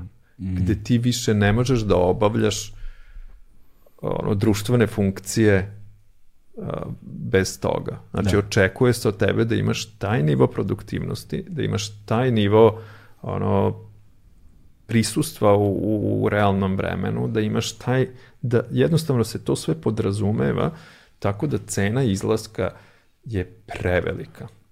I onda je pitanje ko može da priušti sebi da. izlazak iz Jer toga. Ti, ti apliciraš za posao i sad ako nemaš LinkedIn ili Facebook ili ako onaj tamo poslodavac sad nije uspeo da te googluje jer si ti kao istripo da ćeš ti da budeš malo van tog sistema, Znaš, ti nisi, ka, ti si im čudan, ti si sumnjiv, razumeš, znaš, nećeš dobiti vizu neku zato što prosto nisu pronašli neke podatke o tebi, ti si sumnjiv, znaš, i onda... Ti si sad neko ko se trudi da bude van sistema, onda se posle pitanje da. zašto se ti trudiš tako da budeš van sistema. Tako ti postaješ anomalija. I, to je postaješ, što... I postaješ e. opasan. E. Da. Znaš, nije važno da li si zaista opasan, nego kao onaj tako, čuvar, tako. da li... Sumnjiv, sumnjiv, sumnjiv. postaješ sumnjiv. To znaš. je ono što, što Kristijan Lukić piše u ovoj sa nekom tekstu koji smo mi objavili, koja se zove kolonizacija s ljubavlju koji ovaj, kaže da smo mi svi sada kao, kao ovaj, to kao um, prostitutke ili prostitutci u tim izlozima. Prostituišemo se, da. Pro, da, u tim izlozima ovaj, i da, da, da, gde mi u stvari non stop moramo da održavamo te, te um, svoje prisustvo na svim tim platformama nudeći svoje kreativnost, svoju genijalnu autentičnost, usluge. Ovo, ono, tako je. Mi svi u stvari radimo, smo u tim izlozima i onda ima super rečenica u kojoj kaže da, da, je, da je ta vrsta reputacijone produkcije u stvari robovski rad 21. veka. Da ti nemaš izbor da, da, da izađeš iz toga. Znaš, i sad ja se sećam kad sam ja imao te neke epizode sa, sa ovaj, nekorišćenjem mobilnog telefona po šest meseci. Znaš, ti ne, pojenta u tome što prvo ne možeš više, ako putuješ, ne možeš više da, da ono, jako je teško. Da. Jako. A drugo je što se ta komunikacija onda tako se rasporedi da sad ona pređe na, tvoj, na, tvoj, na ljude koji su pored tebe. Pa sad mm. svi zovu moju o, o moju partnerku ili, ili, ili, ovaj, ili počinju drugačije da se, i onda drugi ljudi moraju da se prilagode tome, onda oni ne mogu da se nađu s tobom u real time nego moraju da se dogovore dan ranije, razumeš, i ti onda postaneš ono kao ozbiljna teret, anomalija. Teret sistemu. Tako je, teret si. I ljudi počinju da te mrze, razumeš, ono kao osuđuju te, kao nisi dostupan. Da. Kao, da Nisam dostupan, da. da. A s druge strane, a, toliko je sveopšte prisutan taj algoritam, ono, zovimo ga veliki algoritam, znaš, sveopšte prisutan. Nije jedan, nego... Da, da, da, da ali kao, zovimo ga kao veliki Dobro. algoritam, znaš, kao skup svih algoritama na jedno mesto, kao nekakav uh, bog, da, znaš, da. ovaj, svuda prisutan, a nevidljiv, znaš. Um, je u tome što sad ti više ni ne moraš fundament, suštinski da imaš nikakve društvene mreže, te budeš prisutan da bi tvoj profil bio kreiran. Jer tako ti si je, uvek je. na fotografiji sa nekim, uvek si u blizini mm. nekog drugog, uvek su neki tvoji, barem posredno podaci, cirkulišu društvenim mrežama. I onda možda ti sam ne moraš da imaš nikakav profil, ali profil od tebi postoji. Da, da, da. Pa mislim imaš te kolačiće u, u pregledaču, znaš, tu skupljaju se podaci, ovo malo pre što smo rekli kao nosiš telefon sa sobom, ne moraš više uopšte da ga nosiš jer ti izađeš i kamera će te snimi, mislim, i da i dalje kreira neki podatke o tebi. Da, e sada ti koristi, koristi, ajde sad malo samo da razjasnimo neke pojmove koje možda trebalo na početku da uradimo, ono, pretraživač, pregledač, router modema, šta je šta? Da, pa... Zato što ljudi to često brkaju zapravo pojmove. Da, da, pa pretraživač je u stvari Google, to je kao search engine pretraživač, a pregledač su Google Chrome, Firefox, Safari, jel tako, to su pregledači, jer nam oni dozvoljavaju da mi pregledamo te stranice. A pretraživačima, to je Googleom ili DuckDuckGo i tim nekim alternativnim, mi pretražujemo internet. -hmm. Tako da to je sad često u srpskom ono jeziku nerazjašnjeno šta je pretraživač, šta je pregledač. A stvarno trulo da pričaš kao browser i kao search engine, znaš. između, između, između ostalog. Ovaj, e, a, kada si govorio o proširenoj autonomiji, a, anatomiji, pardon, kada si govorio o proširenoj anatomiji uređaja, govorili smo dakle o toj geologiji uređaja, geologiji medija, dakle da mi u tom trenutku kada počnemo, probamo da skapiramo šta ulazi u sastav tih uh, uh, hardvera i softvera, mi zapravo dolazimo do rudnika, ono, litijum, mm, Rio Tinto i šta ti ja znam. Onda smo govorili o tim fraktalnim lancima snabdevanja, Uh, Foxconn je dobar uh, primer, uh, i, ali stvari koje nismo pomenuli, a imamo ovde kao celu oblast, dakle tu anatomiju uređaja, jeste uh, rođenje, život i smrt uređaja, planiranu zastarelost Da, da, da. Naš, planirana zastarelost je vrlo zanimljiv fenomen, čini mi se, posebno u proizvodnim lancima, u ekonomiji, u prodaji i ono, znaš, kad ti, kad ti, je to ono kada ti televizor iz garancije i počne da rikna, riknjava? pa ili kad ti ono, Apple update ono, operativni sistem, sistem i on postane sporiji. Da. da, da, da, to, to, znaš, moraš da kupiš novi model telefona. Tako je, tako. Ovaj, eksploatacija ljudskog rada i prirode smo negde pomenjali i eksploataciju nejednakosti smo pomenjali. Dakle, da pomenemo to rođenje, život i smrt uređaja, planiranu zastarelost uređaja i Možda da. Foxconn bi bio do, je, je do, do, dobro da se pomene. Pa to je sve, da, to je sve deo, deo te, te jedne priče, te jedne mape koje se zove ta anatomija AI sistema i ovaj, uh, negde svaki uređaj koji mi uh, eto, koristimo ima taj svoj neki životni vek, ima svoje rođenje, ima svoj život, ima svoju smrt. Sad ono što je interesantno za rođenje, uh, uređaja jeste da, da, mi o tome dosta često ne mislimo, jeste da, da recimo, tipa mislim da je 75% tog otiska, ono kao CO2 otiska je u stvari sama proizvodnja tih uređaja, koje, to su ti rudnici. Ti moraš da ono, otprilike pomeriš čitavu planinu da bi dobio kilogram nečega. I to, to su procesi koji ono, su vrlo intruzivni, to su procesi koji kao rezultat imaš ovaj, to kao radioaktivni otpad, zagađenje, čuda. To su procesi u kojima ljudi koji rade tamo su nisu dobro plaćeni. Onda imaš posle toga čitavo to kretanje tih, jer, jer, jer stvaranje tih uređaja, ako uzmemo, to su ti piramidalne ovaj, fraktalni sistemi, ti imaš konstantno kretanje u stvari materije koje je omogućeno sa tim niskim cenama tog transporta. Tako da ti uzmeš, ne znam, aluminijum iz Južnoafričke republike, a onda ga prerađuješ u is na Islandu zato što je jeftinija struja, onda ga prebaciš i ti imaš konstantno u stvari non stop kretanje unutar tih ovaj, a, a, tih lanaca proizvodnje i, i imaš konstantno kretanje materijala, metala, A ja se trudim da nosim ceger u prodavnicu. Da, znaš? Da, da. I to, ta priča je vezana sa, sa tim da, da, da, znaš, kao odgovornost se uvek prebacuje na pojedinca, znaš, a u da. stvari su sve te kompanije i sve ti procesi koji se dešavaju između generišu višak kapitala koji onda postaje zarada koji itd. itd.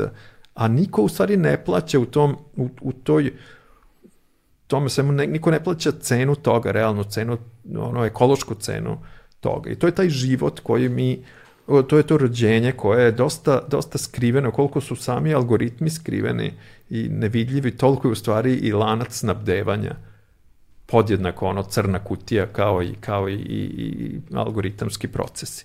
Onda život je ovo što mi sada dokle ga koristiš i onda imaš smrt koja u stvari je isto to samo na drugu stranu gde opet se završava čitav taj proces sa, sa tim geološkim slojem. Jer sada opet svi ti uređaji postaju deo deo nekog novog uh, ono smetlišta koje onda postaje posle određenog vremena opet geološki sloj. I to je to, samo problem je što to nije neki lup u kome sad se to dešava, nego cena toga je mnogo velika u smislu ono proizvodnje CO2, u smislu eksploatacije ljudi, u smislu svega.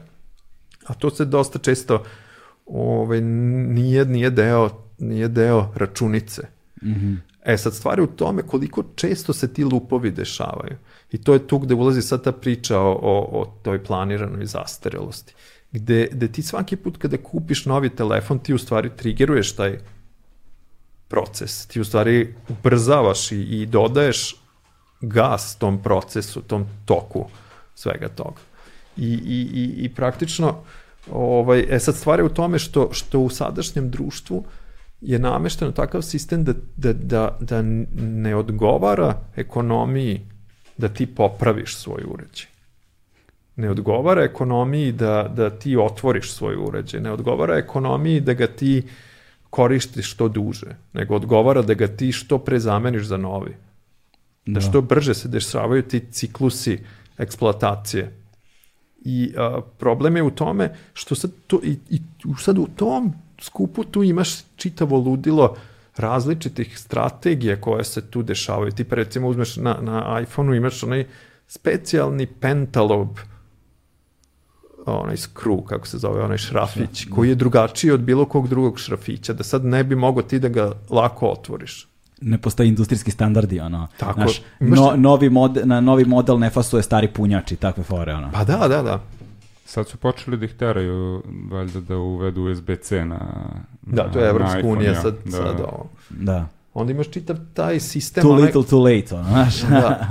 Čitav taj ovaj, kao nov, novu neku, neku vrednost, novu neku etičku vrednost koja se zove right to repair, pravo na popravku. Da mi svi imamo pravo da popravimo te. Jer, jer ti si sad primoran da ga nikako, nikako ne smeš da ga otvoriš. Nemoj da otvoriš tvoj uređaj koji je kao tvoj.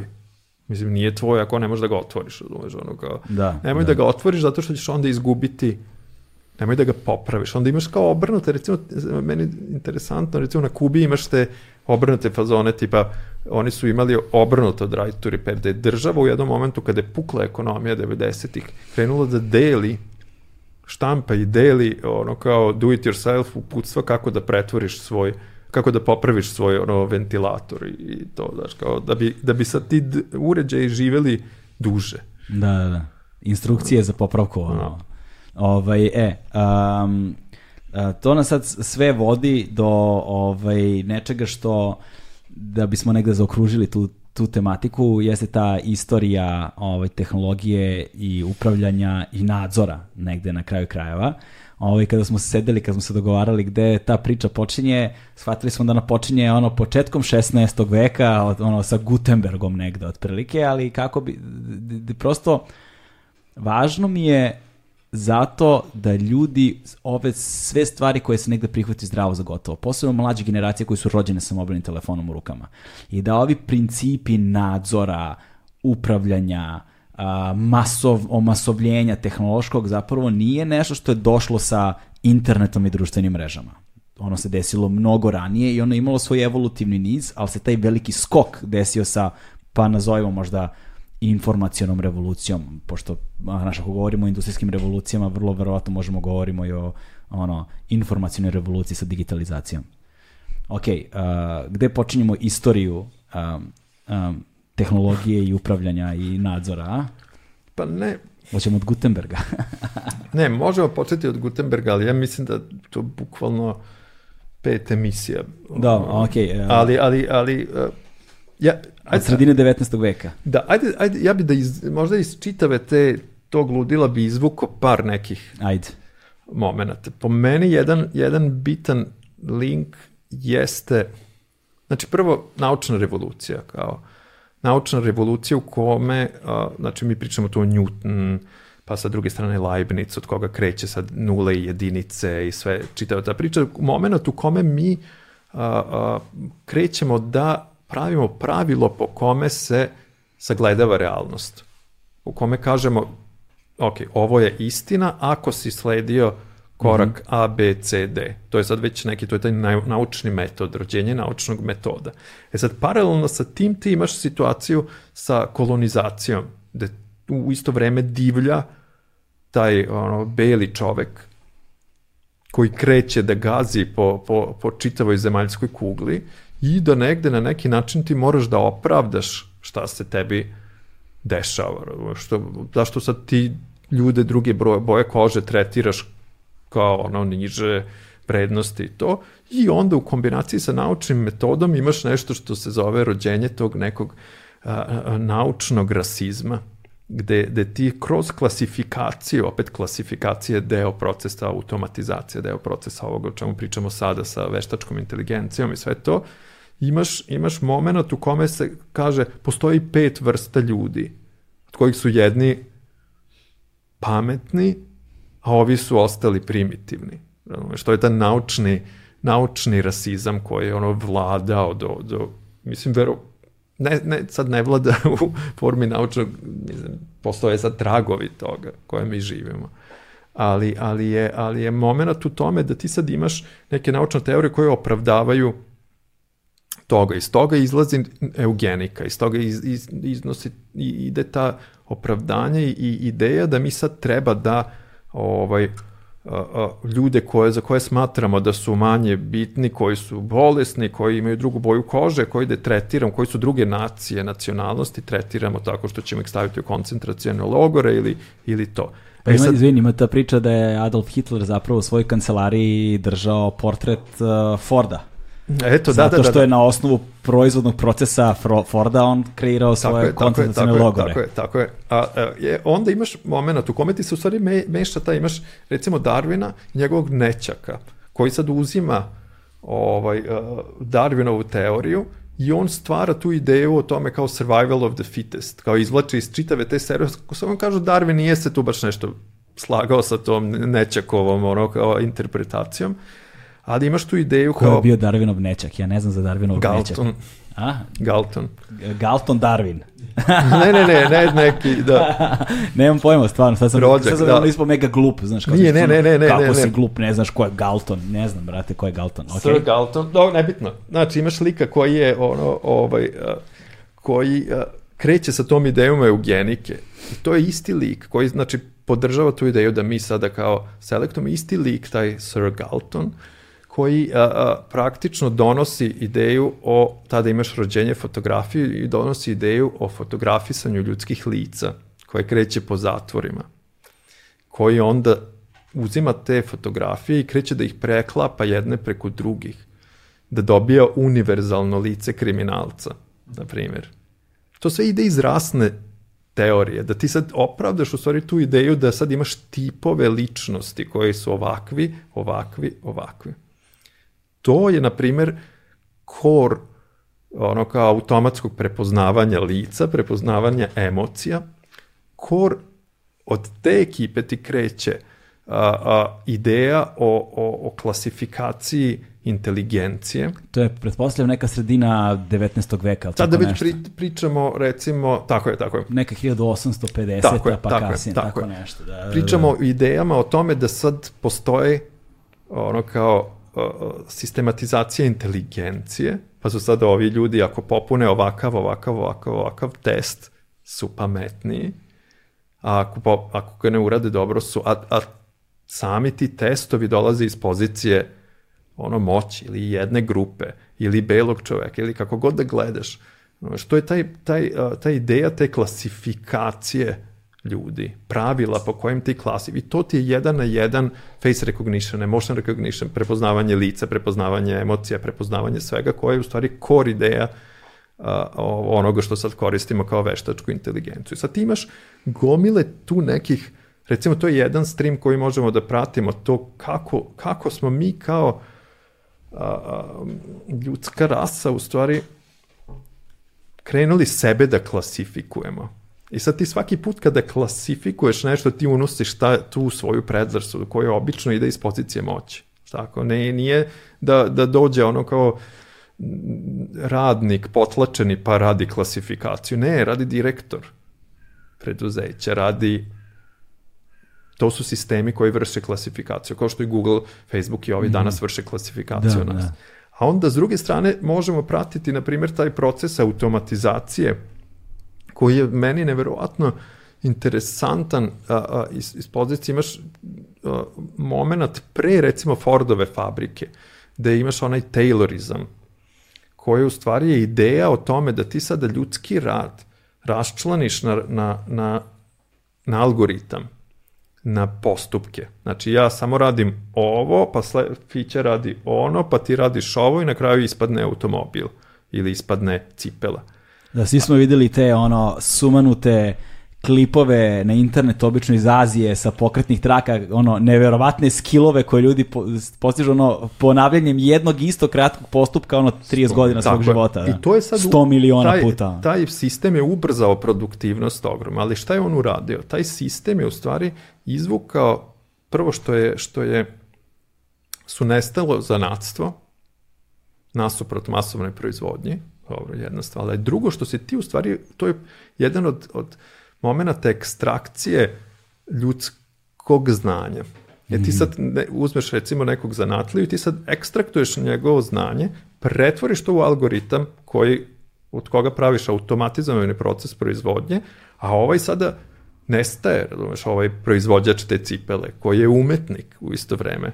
I ti sad već kreće proces automatizacije. Jednom kad si ga ti razbio na na korake, ti onda možeš da radiš automatizaciju u smislu da ono, treniraš ono kao robota, treniraš zato što si se razbio sve na, na mikrokorake.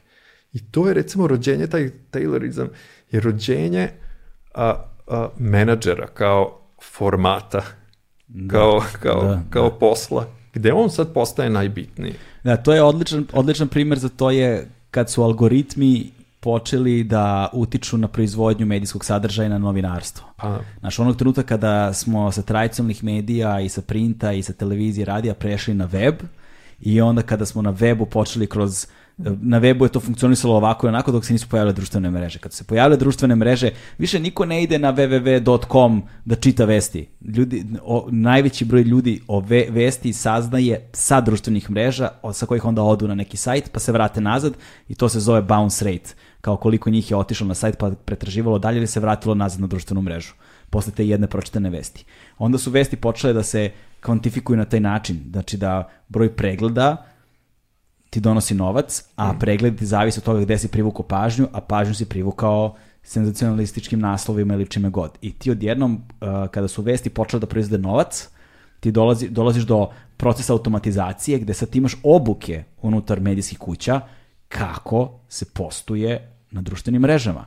Kako se pravi tekst, kako se radi SEO, dakle Search Engine Optimization, kako se radi meta headlines, kako se rade tagovi za pretraživače, pretraživanje ono na, u, u tim, na, na internetu, kako se postavlja fotografija, koje boje, koji kad, captioni, na koji način privlače pažnju. Ti zapravo imaš celu jednu nauku, automatizaciju proizvodnog procesa i baviš se svime osim šta je vest. Sad, da. Znaš, jer šta je vest sada određuje ono što privlači pažnju, ono što, ne znam, dublje polarizuje društvo, ono što uh, ono oko čega ćemo se mi srditi, gneviti, voleti, drkati, šta god, razumeš, to je vest. Nije vest ono što je zapravo od javnog interesa i značaja. Znaš, I nije nužno, nekada, nekada se potrefi da jeste, ali te dve stvari nisu nužno dve iste stvari. I ovaj proces automatizacije o kojem ti govoriš, da je zapravo uredničke pozicije su zamenili menadžeri. Automatiza. Da. da, menadžeri. Menadžeri koji donose uh, poslovno uh, smislene odluke, ali ne i nužno za javno dobro ovaj, smislene odluke. Da, ali uredničke pozicije su zamenili algoritmi u isto vreme, da. ono, i to je meni nekako najžalije što sad radio kad upališ, znaš, više nemaš, nemaš čuješ pesmu koju algoritam nije prepoznao kao najslušljiviju za najširu moguću ciljnu grupu ili za tu ciljnu grupu neku koju ti gađaš svojom radiostanicom. Da. I stvarno ono suludo sad kao vrtiš u autu radiostanice, i kao svuda se vrte iste stvari samo zato što je to algoritam, mislim, negde ti poslao kao tu playlistu i to je to. E, sećate kada je B92 ugašen? Da. Ili da, mislim... kada je bio zamenjen u jednom, znači bio B92 stop i onda je bio mesec dana ili par nedelja je bila playlist koja je Ne sjećam se to. Da, bio neki prelazni period, to je onako simbolički dosta interesantno. Da, ne sjećam se te playliste. Ali jeste, tad je ušao algoritam na 92 koja se sećam, mi smo tad prestali da radimo tamo i kao to je to bilo, agenciju su angažovali, dali su mhm. otkaz mm -hmm. tadašnjem uredniku i kao agencija krenuo samo šalje playliste, mislim jer to je to kao. Da, to sam ja pričao u ovom podcastu više puta, pa da ne davim ljude, ali ja sam imao obuke za te softvere kako da ih koristim. Pa na MTV-u kad sam bio, znaš. Samo je u jednom trenutku uvedeno to kao pravilo i svih, ne znam, 270 i nešto franšiza, odnosno kancelarija širom sveta smo morali da odemo na obuku da koristimo Music Scheduler ili tako nešto se zvalo to. I imao si ono crvena A rotacija, žuta B rotacija, zelena C1, C2, C3 i to je to. Ti samo filuješ uh, jedan mali procenat, algoritam sve ostalo obavlja i ti, to se automatizuje 24 sata programa, ide automatski. Ništa ti tu ne radiš. Tu je čovek isključen iz proizvodnog procesa. Tako je. Znaš, i onda je proizvodni proces takav kakav je. Dakle, Taylorizam je, je ono što je zapravo... Da, da sa, sa tim po, po, počinje u stvari ta, ta, ta priča, ta vrsta optimizacije, automatizacije ovaj, uh, industrijske proizvodnje. Jer ono što to je moment industrijske revolucije pobeđuje ono masovna proizvodnja. Onda imaš jedan stream toga koji ide u ono neki socijalističko socijalistički ovaj vrstu te, tog taylorizma, pa posle kibernetike u kome ti sad razmišljaš o društvu kao sistemu, društvo kao kibernetski sistem, društvo kao sistem koji sad ti upravljaš putem nekih ono, nobova i toga. Ovde u kapitalizmu ide više u to kao idemo krljamo proizvodnja, da, kapital. Da, da, da, da. Maksima, maksimizacija proizvodnje. Da, ali Profita. ono što je meni naj, najluđe, u, ja, najluđe, jedan od delova toga jeste da, da ti, recimo, sistemi za vizualizaciju, mm -hmm. znači ista, ista, zaboravio se kako se zove, dvoje ljudi koji su pravili, koji su sad na osnovu tog taylorizma i tog ideje automatizacije krenuli da, da prave one produžene ekspozicije radnika koje onako sijaju im ruke, pa ti sad vidiš ono kako im se ruke pomeraju, pa onda ti to optimizuješ nekako da bi ono ubrzao to kako on pritiska. Skratiš im put toga. Ista ekipa, njih dvoje, je u stvari ekipa koja je osmislila flowchart. I, ne, Gantov diagram.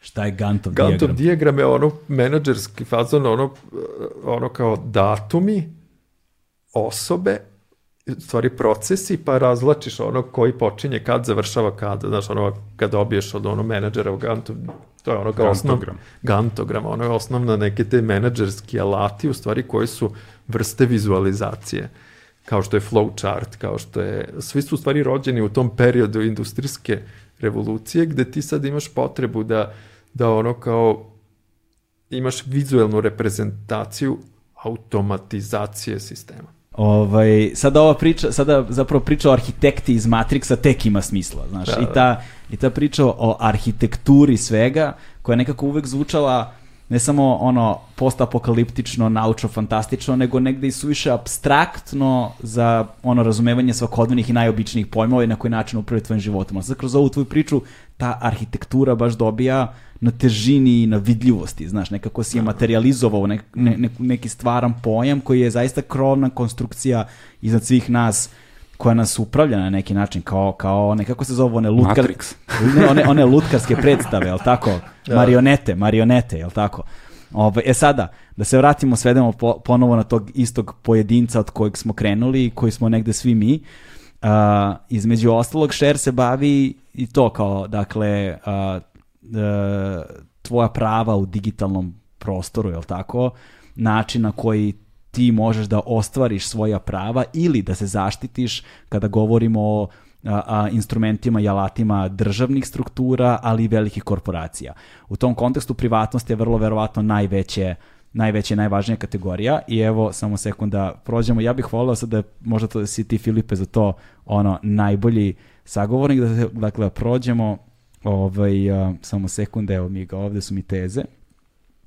Dakle da prođemo uh, Sekund. Zato što je mobilni, a Joler nema mobilni da, kao da, poslednjih da, da, 10 da, godina, znaš. Ne arhitekturu nadzora, ne arhitekturu nadzora, njoj smo pričali, arhitekturi nadzora o Srbiji, dakle saveti za digitalnu bezbednost, ono, ili ono nekakvu digitalnu higijenu, na primjer, da. na, ono, navike ponašanja, na koji način bismo mogli da menjamo navike ponašanja, šta je to što mi radimo svakodnevno, što bismo možda mogli da promenimo, što bi nama išlo u korist.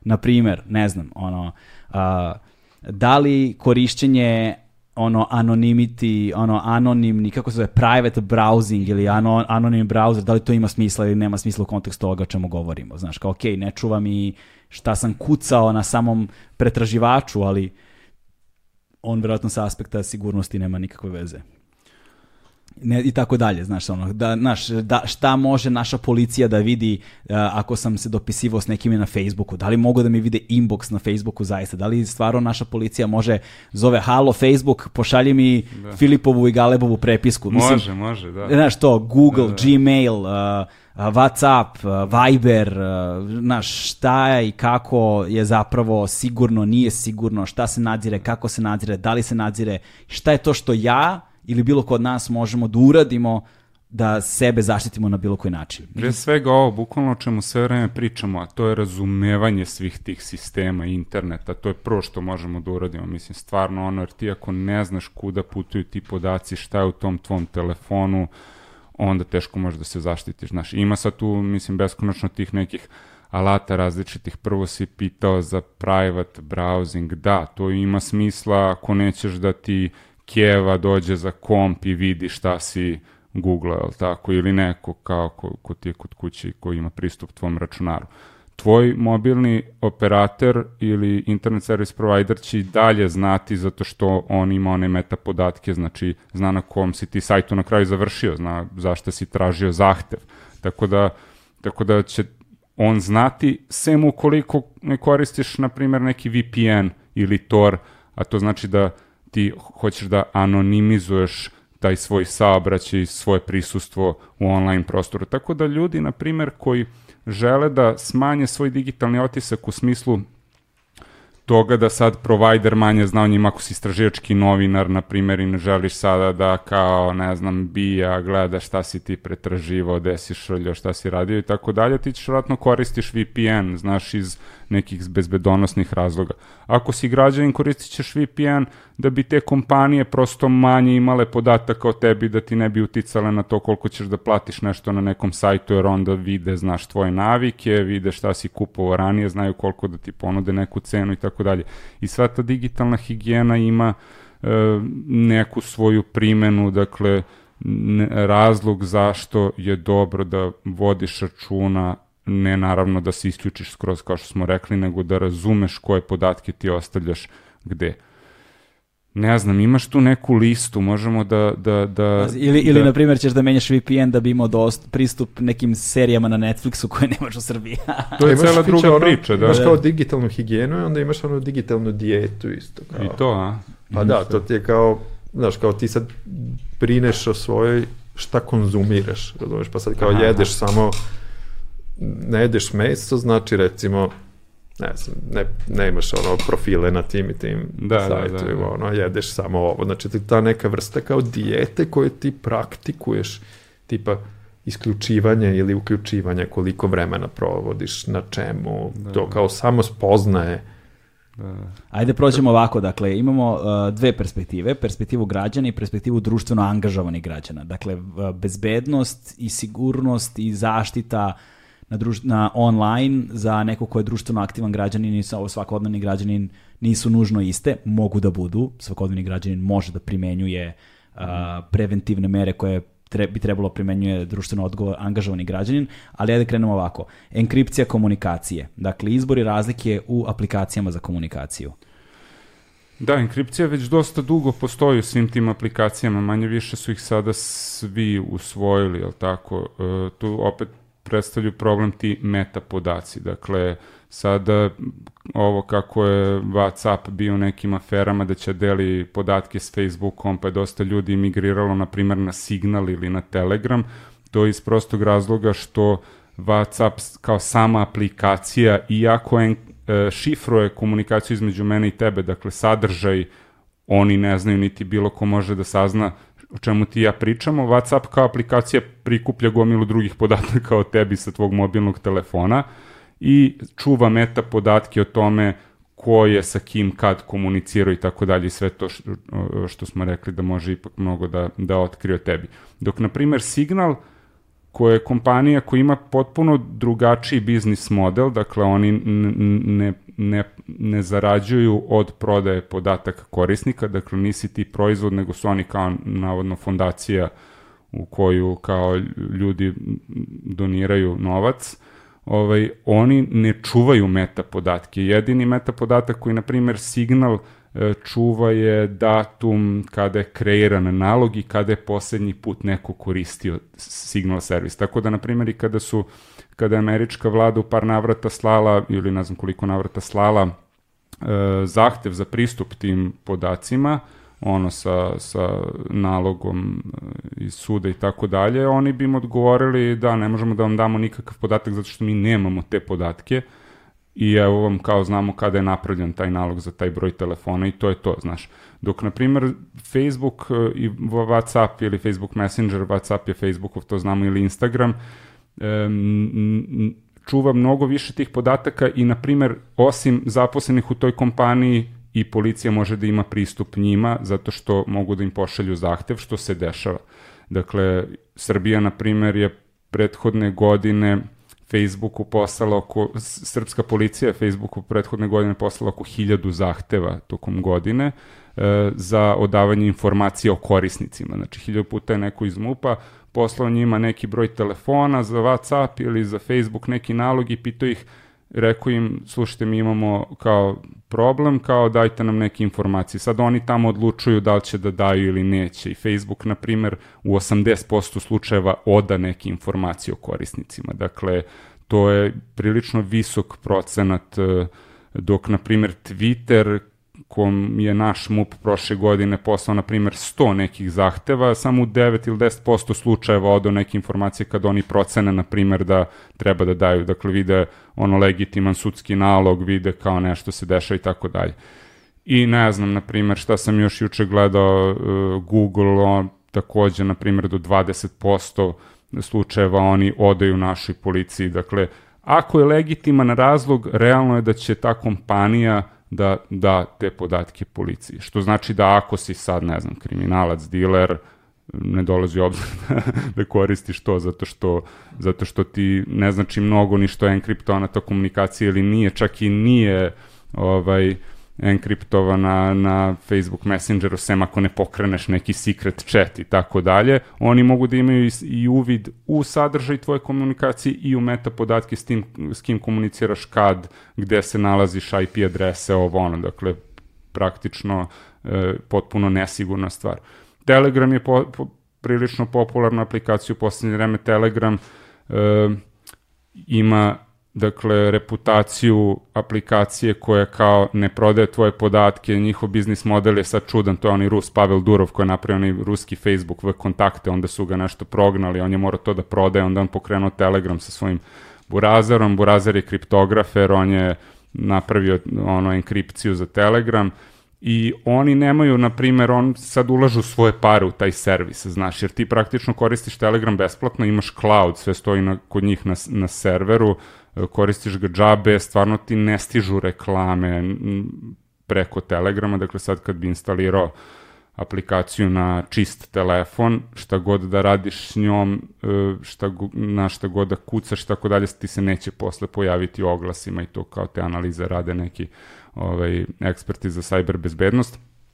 I fora je dakle s tim što je Telegram, na primer, aplikacija kao i signal su otvorenog koda, znači neko može da otvori aplikaciju, njen kod i da proveri gde idu ti podaci, znaš. Dok kod ovo Whatsappa, Vibera, ne znam, Facebook Messengera, to su ono vlasnički takozvani softver iz zatvorenog koda i mi ne znamo kao i sa tim algoritmima šta se tu dešava s našim podacima, gde idu ti, znaš. E sad, Telegramu, na primer, e, zane, e, zameraju što na serveru aplikacija njihovom je zatvorenog koda. Tako da mi dalje ne znamo sad, na primjer, šta se dešava s našim podacima kod njih na serveru. I, i, i iz tog smisla možemo samo da verujemo sada, dok, na primjer, Signal ima potpuno otvoren kod i na serveru i e, na strani klijenta, to jest aplikaciji, ti tu si negde siguran, Signal si mogu i do pre nekoliko godina praktično instaliraš na svom serveru, naš kao softver, E, siguran si da, mislim, tu ne ostaju nikakvi podaci, ne beleže se, da toj komunikaciji niko ne može da pristupi i tako dalje. Tako da ti tu imaš jedan dijapazon tih nekih aplikacija koji ti možeš da biraš u odnosu na, na tvoju potrebe, tvoj, tvoj nivo paranoje ili to koliko želiš da e, ljudi imaš u kontakt listi, znaš. Sva sreće, pa sad kao su stvarno ljudi konačno krenuli poslednjih godina malo da, da rade na diversifikaciji upotrebe tih alata, pa nije sad ono kao imam samo Whatsapp jer nemam memoriju, kao da naš stavim i kao Telegram ili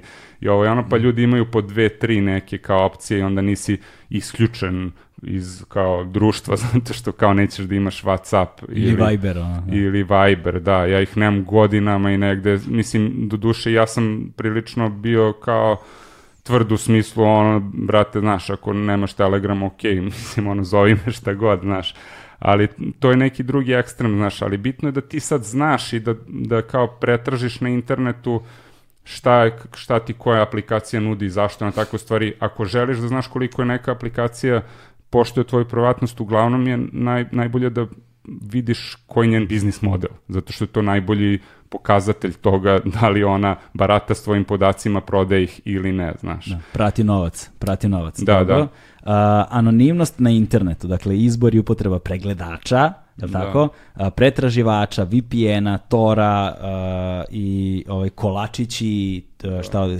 to, kolačići, trekeri, šta je šta, šta je najbolje koristiti, šta nikako ne koristiti.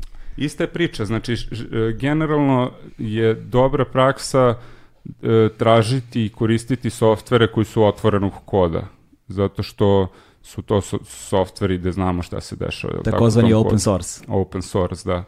I, I sad praktično danas u 2021. ti možeš da imaš i računar, malo teže mobilni telefon još uvek, ovaj, koji je manje više, na kom, koji funkcioniše na softveru i operativnom sistemu kao što je Linux, e, koji je otvorenog koda za razliku od Windowsa ili Maca koji kao imaju zatvoren kod i vlasnički softver, ti praktično danas može da imaš taj neki Linux operativni sistem koji dobro radi, nemaš nikakvih problema, morat ćeš možda se istimaš malo ga instaliraš, čak su i to sad krenuli da ono da, da prevazilaze. Uh, ovaj, i da imaš softvera na njemu alternative koje su otvorenog koda za, na primjer, Microsoft Office. Postoji nešto se zove LibreOffice koji bukvalno isto izgleda kao Microsoft Office za, ne znam, Photoshop ili, ne znam, e, koji ima neki GIMP ili Inkscape, e, tako se zovu softveri, znaš, i programi za pravljanje muzike, e, kada su pregledači u pitanju, tu imaš to kao Firefox koji je opet otvoreno koda, dok Google Chrome je potpuno zatvoreno koda, zovu ga i špijunski software kao spyware, da. klasičan, jer on, mislim, kao aplikacija vuče sve vreme podatke, ne samo o tome šta ti radiš u pregledaču, nego iz celog tvog ekosistema drugih stvari koje radiš. Tako da je dobra generalna praksa da malo se iscimaš kao to gledaš po netu kao šta je, znaš, ako mi sad treba neka aplikacija, da li mogu da iskoristim nešto što je e, alternativa dakle, tome što Dakle, instalirajte Firefox. A Dobro, ne... na primer, na, da, na primer Firefox ima tu dosta nekih alternativa, ali on je najpopularniji u principu sve stranice koje, koje kao posećuješ će raditi, znaš, jer to je sad ta interoperabilnost je dosta bitna stvar, znaš, koliko ti sajtovi koje, koji su danas prilično napredni, znaš, oni svi najbolje rade na Chromu, jer je Chrome najpopularniji pre, pregledač, znaš, i onda ti sad kao neki alternativni pregledač, tu moraš nešto se cimaš non stop da se optimizuješ, znaš, i da. tako dalje. Tako da, ovaj, da definitivno tu postoje ti neki softveri koji su potpuno funkcionalni, kao što je Firefox, koji kao nemaš razloga da ne koristiš, zato što ti Chrome ne daje praktično ništa, nije, mit je da, da je Chrome brži, optimizovani i tako dalje, znaš. I treba se generalno igrati, znaš, ne treba budeš rob tu samo kao nekom ono, uh, sistemu okay, i da. navikama da. ljudi. Ovde smo sad negdje objasnili ovaj FOS, dakle da. open, open source smo objasnili zašto, da. su, zašto su oni važni izbor i zdravlje operativnog sistema. Da, da, pa to je izbor je to kao da li možeš zapravo da da li tvoje potrebe zadovoljava operativni sistem koji nije Mac ili Windows, znaš. Windows je stvarno postao pa ja ne koristim Mac, pa ne znam, ali na Windowsu sad ono, ti stalno izlaze neke stvari s kojim ti ne znaš kao, znaš, zašto, nešto ti sam instalira, znaš, ne, ono, prosto nemaš izbora, nemaš kontrolu nad tim sistemom i to je najveća razlika između svih tih e, u principu operativnih sistema, što ovde da ćeš da imaš kontrolu, ćeš morati malo više se iscimaš, znaš, ali ćeš bar biti siguran šta taj operativni sistem okay. radi, znaš. Uh, higijena šifara i naloga. Da, pa to ne znam sad koliko ti, na primjer, imaš kao imaš šifru koju znaš na pamet, da li koristiš jednu šifru za više ja imam, servisa? Znaš, ne, znaš kako, ja imam, ja imam princip uh, uh, u kreiranju šifara koji je jedinstven za sve šifre, ali na svim nalazima imam druge šifre.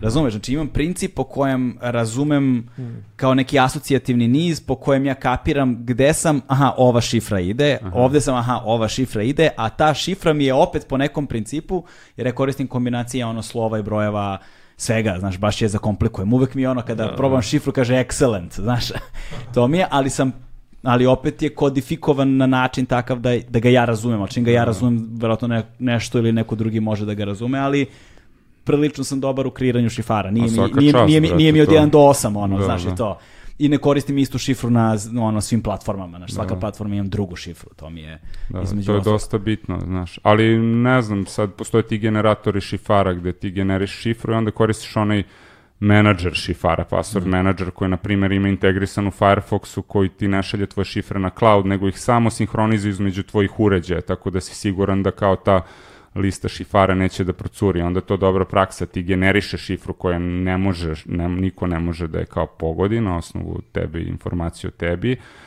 i onda samo tamo u taj password manager praktično upišeš i to je nek, neka automatizacija, neka rutina koja je sad postala prilično jednostavna da ti uopšte ne moraš ništa ni da pamtiš, da. ne moraš ništa ni da kao razmišljaš o tome, znaš, onda ti samo pristupaš tome kad ti treba, samo kopiraš odatle, imaš jednu master šifru koju ti zapravo treba da znaš samo jednu svoju šifru u celom životu za sve ostale naloge, znaš.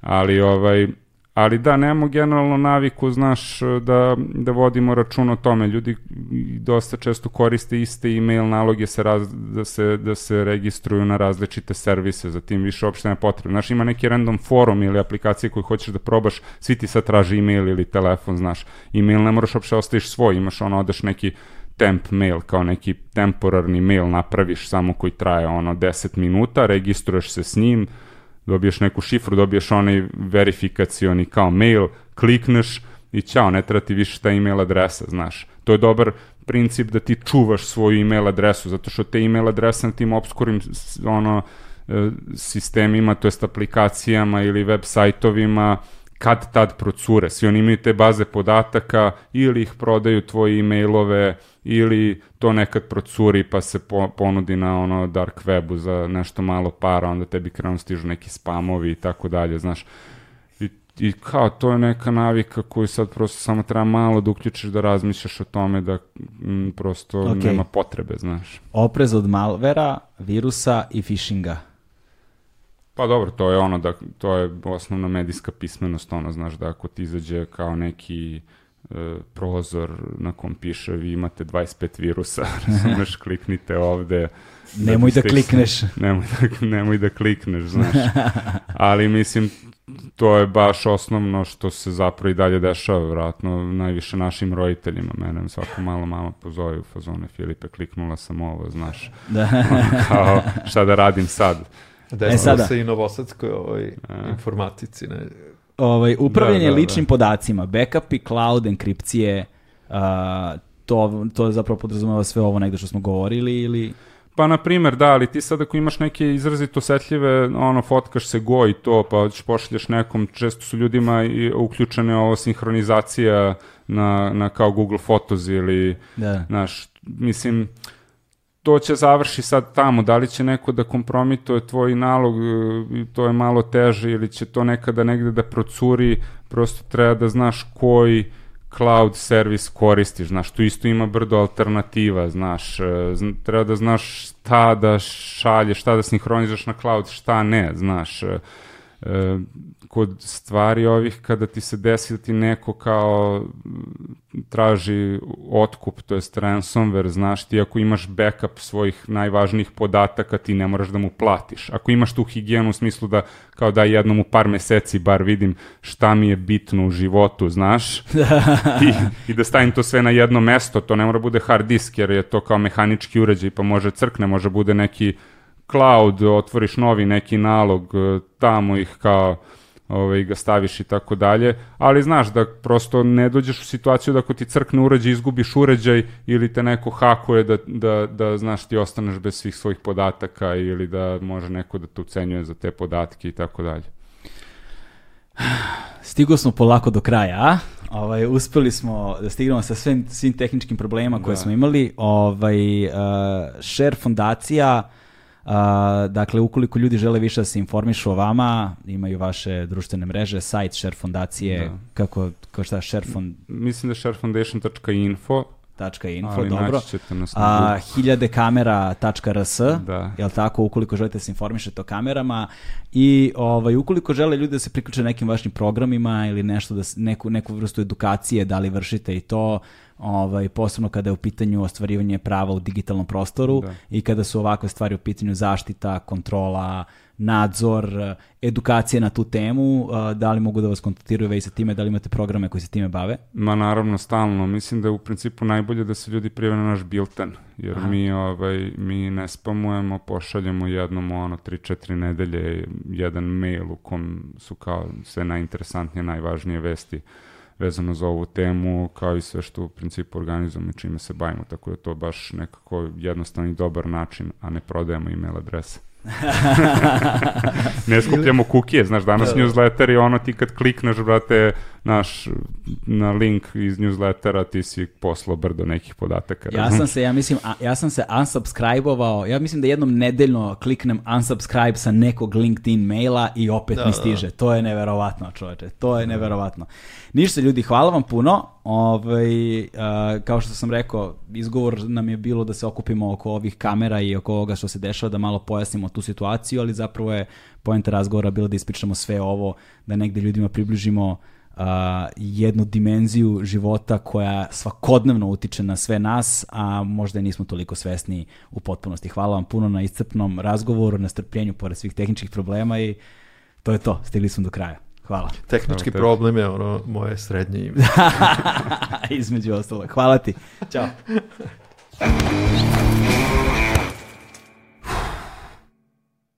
hmm.